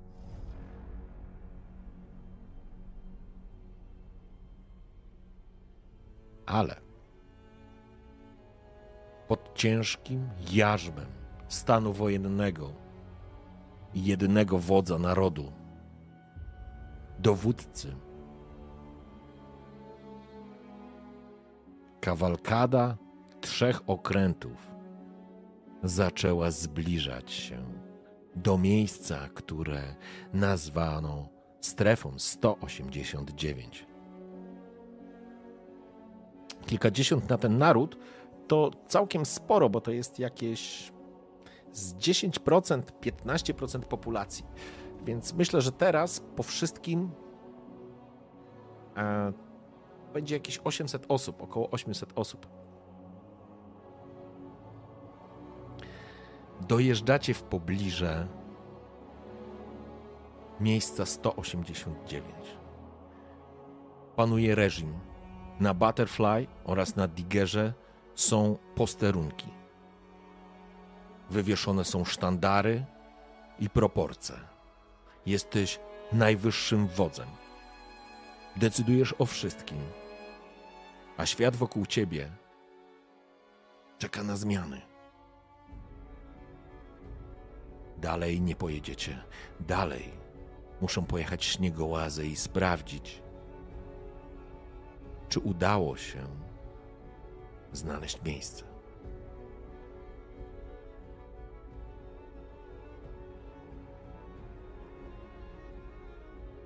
Wracają.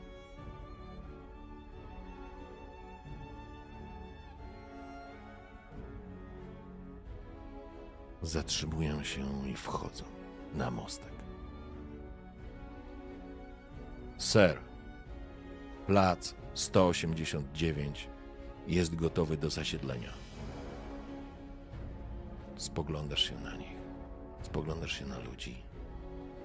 Udało ci się, Dominiku. Za jaką cenę? Spoglądasz na ostatnią kartę swojego dziennika.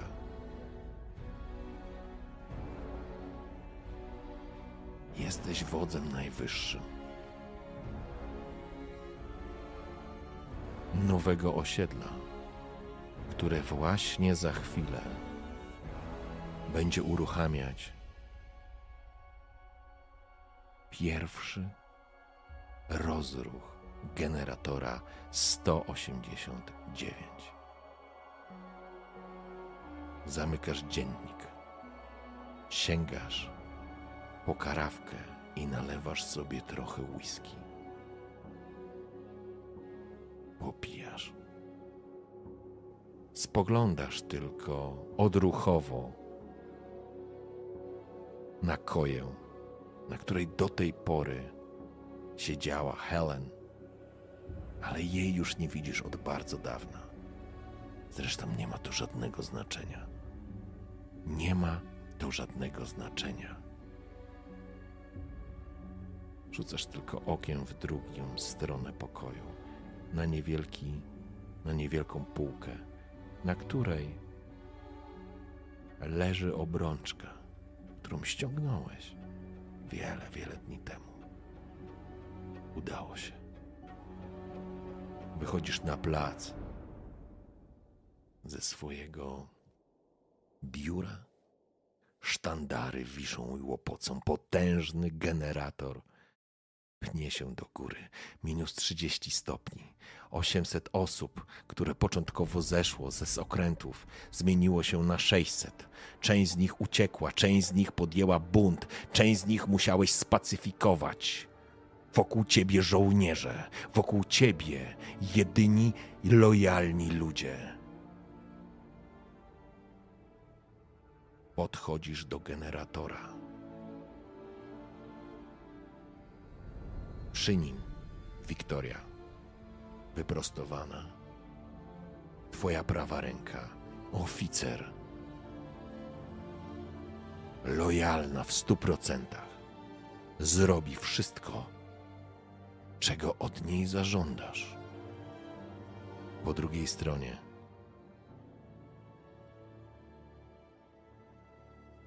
grupka ludzi otoczona przez żołnierzy, nawet nie otoczona przez żołnierzy. Pod lufami plutonu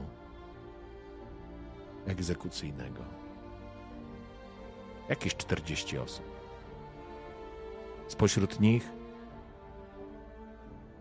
wychodzi jeden mężczyzna. Kuleje. Ma rękę na templaku.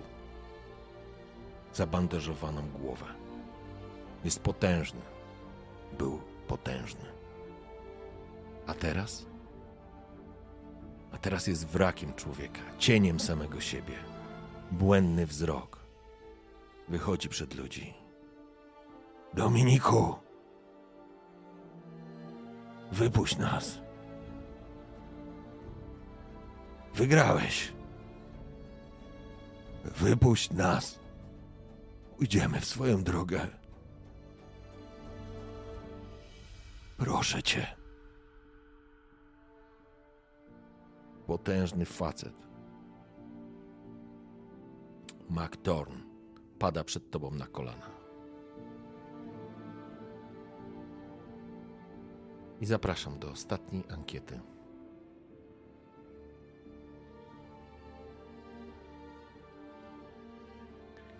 Czy wypuszczacie Maktorna?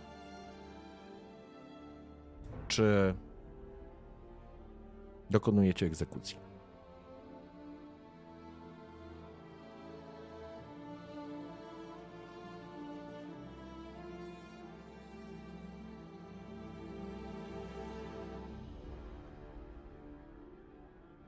I zobaczymy, jak zamkniemy tą historię.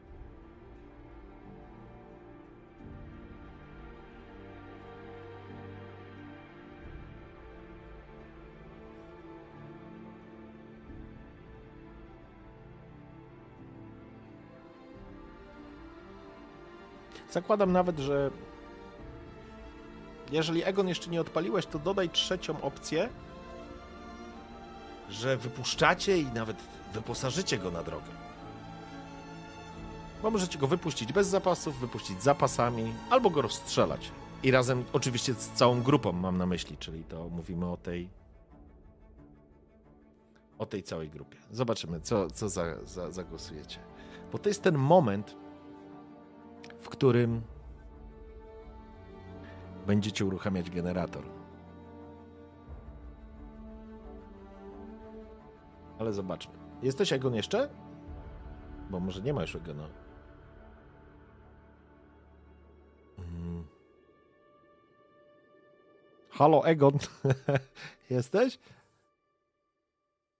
Eee, ostatnio to ankieta z Wiktorią, no ludzie. Ojejku. O, jest. Dobra, dzięki. Maktor.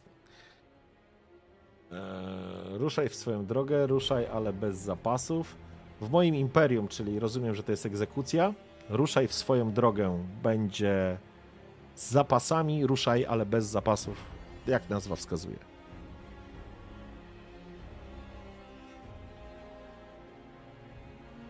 Spoglądasz na swojego towarzysza, doli i niedoli. Maktorn wydawał się zawsze w porządku, ale w momencie, kiedy doszło do abordażu, wszystko się zmieniło.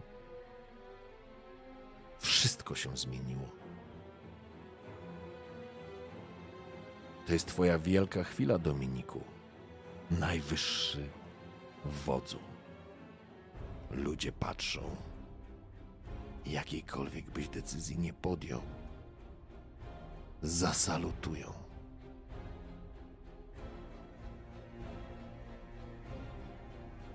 Czekasz. Temperatura jakieś 30 stopni poniżej zera. Całkiem znośna. Przed oczami pojawiają się wspomnienia. Widzisz tego mężczyznę, który który traci swoją godność, bo wierzy, że w tobie znajduje się jeszcze odrobina człowieczeństwa, która pozwoli nawet za cenę własnego życia wypuścić tych ludzi. Oni nie są głupcami, oni mają świadomość, że szanse są niemal zerowe. Ale jaka będzie decyzja? Ostatnie chwile na podjęcie tej decyzji.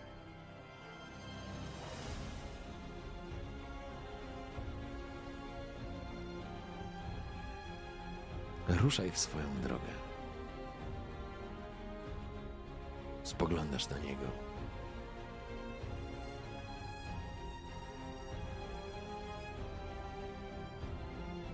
Podchodzisz. Żołnierze mierzą. Kilkanaście karabinów. Wiktoria wyrasta obok ciebie, z ręką gotową do strzału, z ręką na rewolwerze. Uspokajasz ich gestem ręki. Natychmiast się uspokajają, a ty pochylasz się nad Maktornem.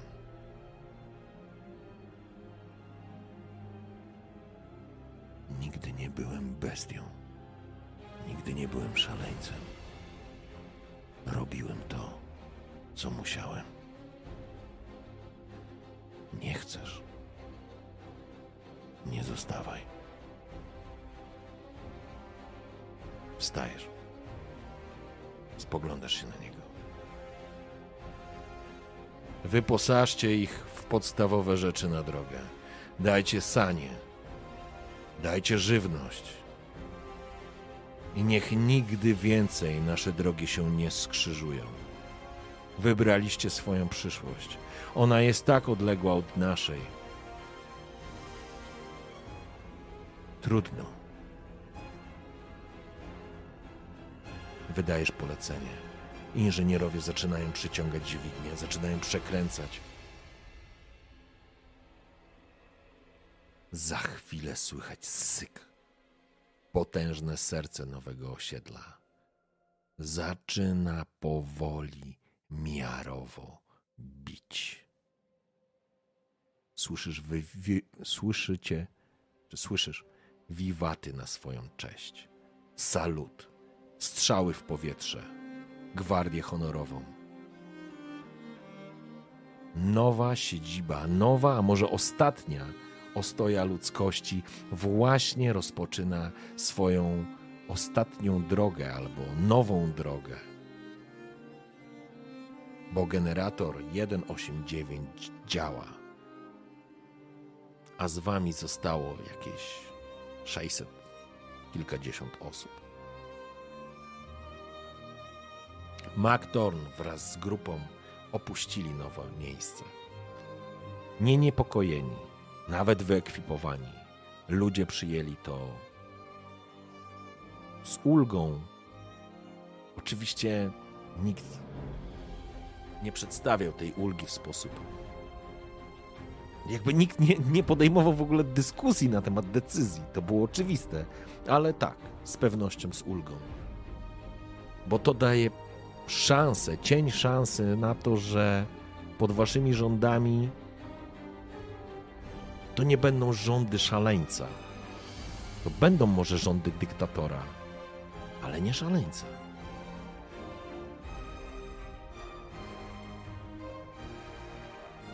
Ostatnia rzecz, którą bym chciał Was poprosić, to słuchajcie, jak chcielibyście nazwać to miasto? Mamy jakieś pomysły na nazwę miasta? Mm, Myślę, że kwestia rzucania na Wiktorię, myślę, że ona jest naturalna. Wiktoria. Nie, no to, nie karczmarzów, to, to może nie rzucajmy. E, ale faktycznie. Faktycznie myślę, że to jest naturalna sytuacja, w której Wiktoria zostanie z Dominikiem. Nowa Moskwa, Sosnowiec. Dobra, nie, nie robimy ankiety na nazwę. Nazwa, e, niech każdy w swoim, że tak powiem, e, w swojej wyobraźni nazwie sobie tak, jak to, jakby to chciało, jakby chciał, żeby to e, zostało nazwane, a ja pozwolę sobie na na ostatnią scenę.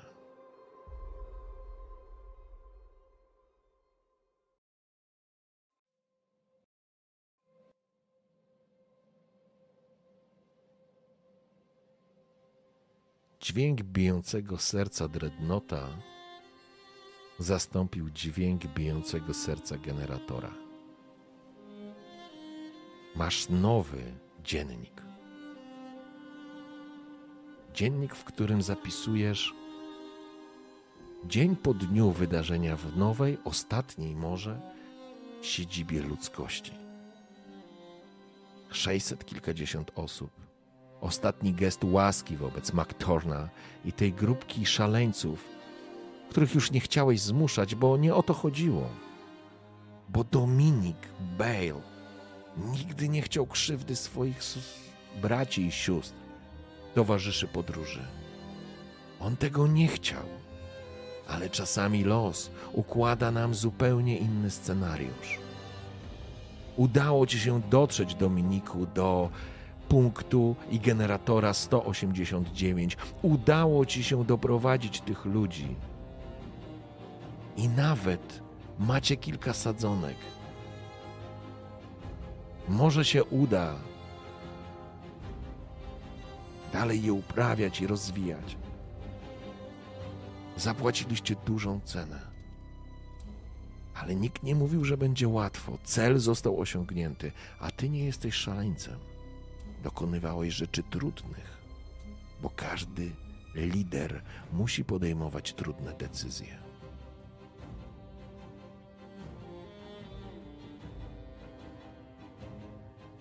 Ograniczyłeś ludziom zapasy, bo uznałeś, że to jedyna droga, żeby dać sobie więcej szans na podróż. Ale zrobiłeś to uczciwie, Dominiku. I żołnierze, i cywile. Później musiałeś się zdecydować.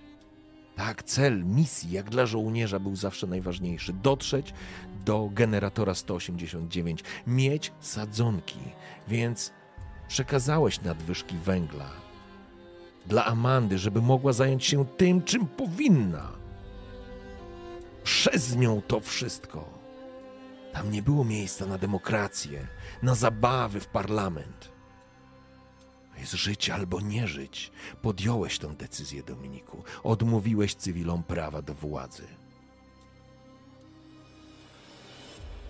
Kiedy pojawiła się szansa na zdobycie dodatkowych zasobów, podjęliście to ryzyko z Maktornem. A później, później los wam nie sprzyjał. Ale nie miałeś na to wpływu.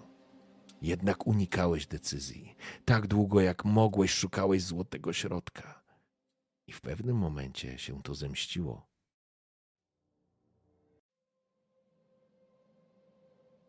Jednak, kiedy zostałeś postawiony pod ścianą, kiedy ludzie uznali, że mogą ciebie sabotować, stawiać ci ultimatum, zmuszać, terroryzować, wymuszać decyzje, nie ugiąłeś się.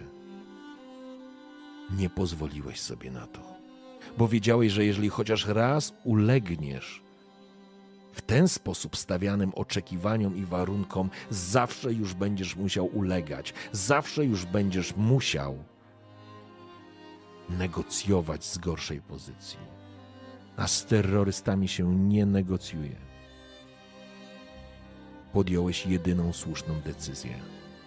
Wysłałeś wojskowych na Hope.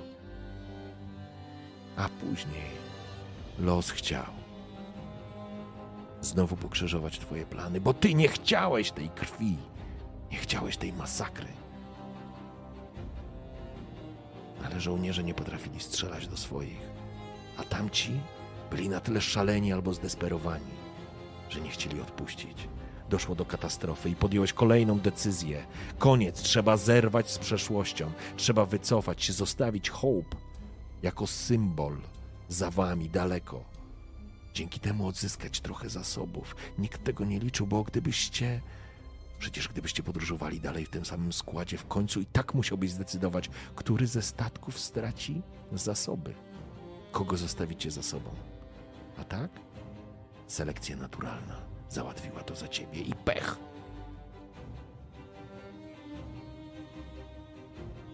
I później nie było już odwrotu, kiedy okazało się, że najbardziej lojalni, twoi ludzie, zaczynają knuć za twoimi plecami. Wiedziałeś, że nie masz innej opcji, że musisz podjąć trudne decyzje, że trzeba przejąć władzę absolutną i stać się jedynym dowódcą i największym wodzem całej tej ekspedycji. Stan wojenny, służby specjalne, tajna policja, polowania na czarownice. Nie, polowania na zdrajców, na sabotażystów, na terrorystów wyczyszczenie własnych szeregów. To były trudne decyzje Dominiku, ale dzięki nim dotarliście do generatora 189. Dzięki nim możecie mieć szansę na lepsze jutro. Stawiasz kropkę w swoim dzienniku nowym dzienniku, zamykając go za sobą. Chwytasz szklaneczkę z whisky, spoglądasz na koje. Już dawno, bardzo dawno nie widziałeś na niej Helen. Ale twoje życie nie jest już związane z Helen. Na koi leży Wiktoria delikatnie w nieswoim stylu, składając dłonie na brzuchu. Jest ciężarna. Nowa nadzieja, Dominiku. Wypijasz za to ostatnią partię whisky, która została ci z wielkiego dreadnota King's Hope. King's Pride, sorry. Kochani, i na tym skończymy naszą historię.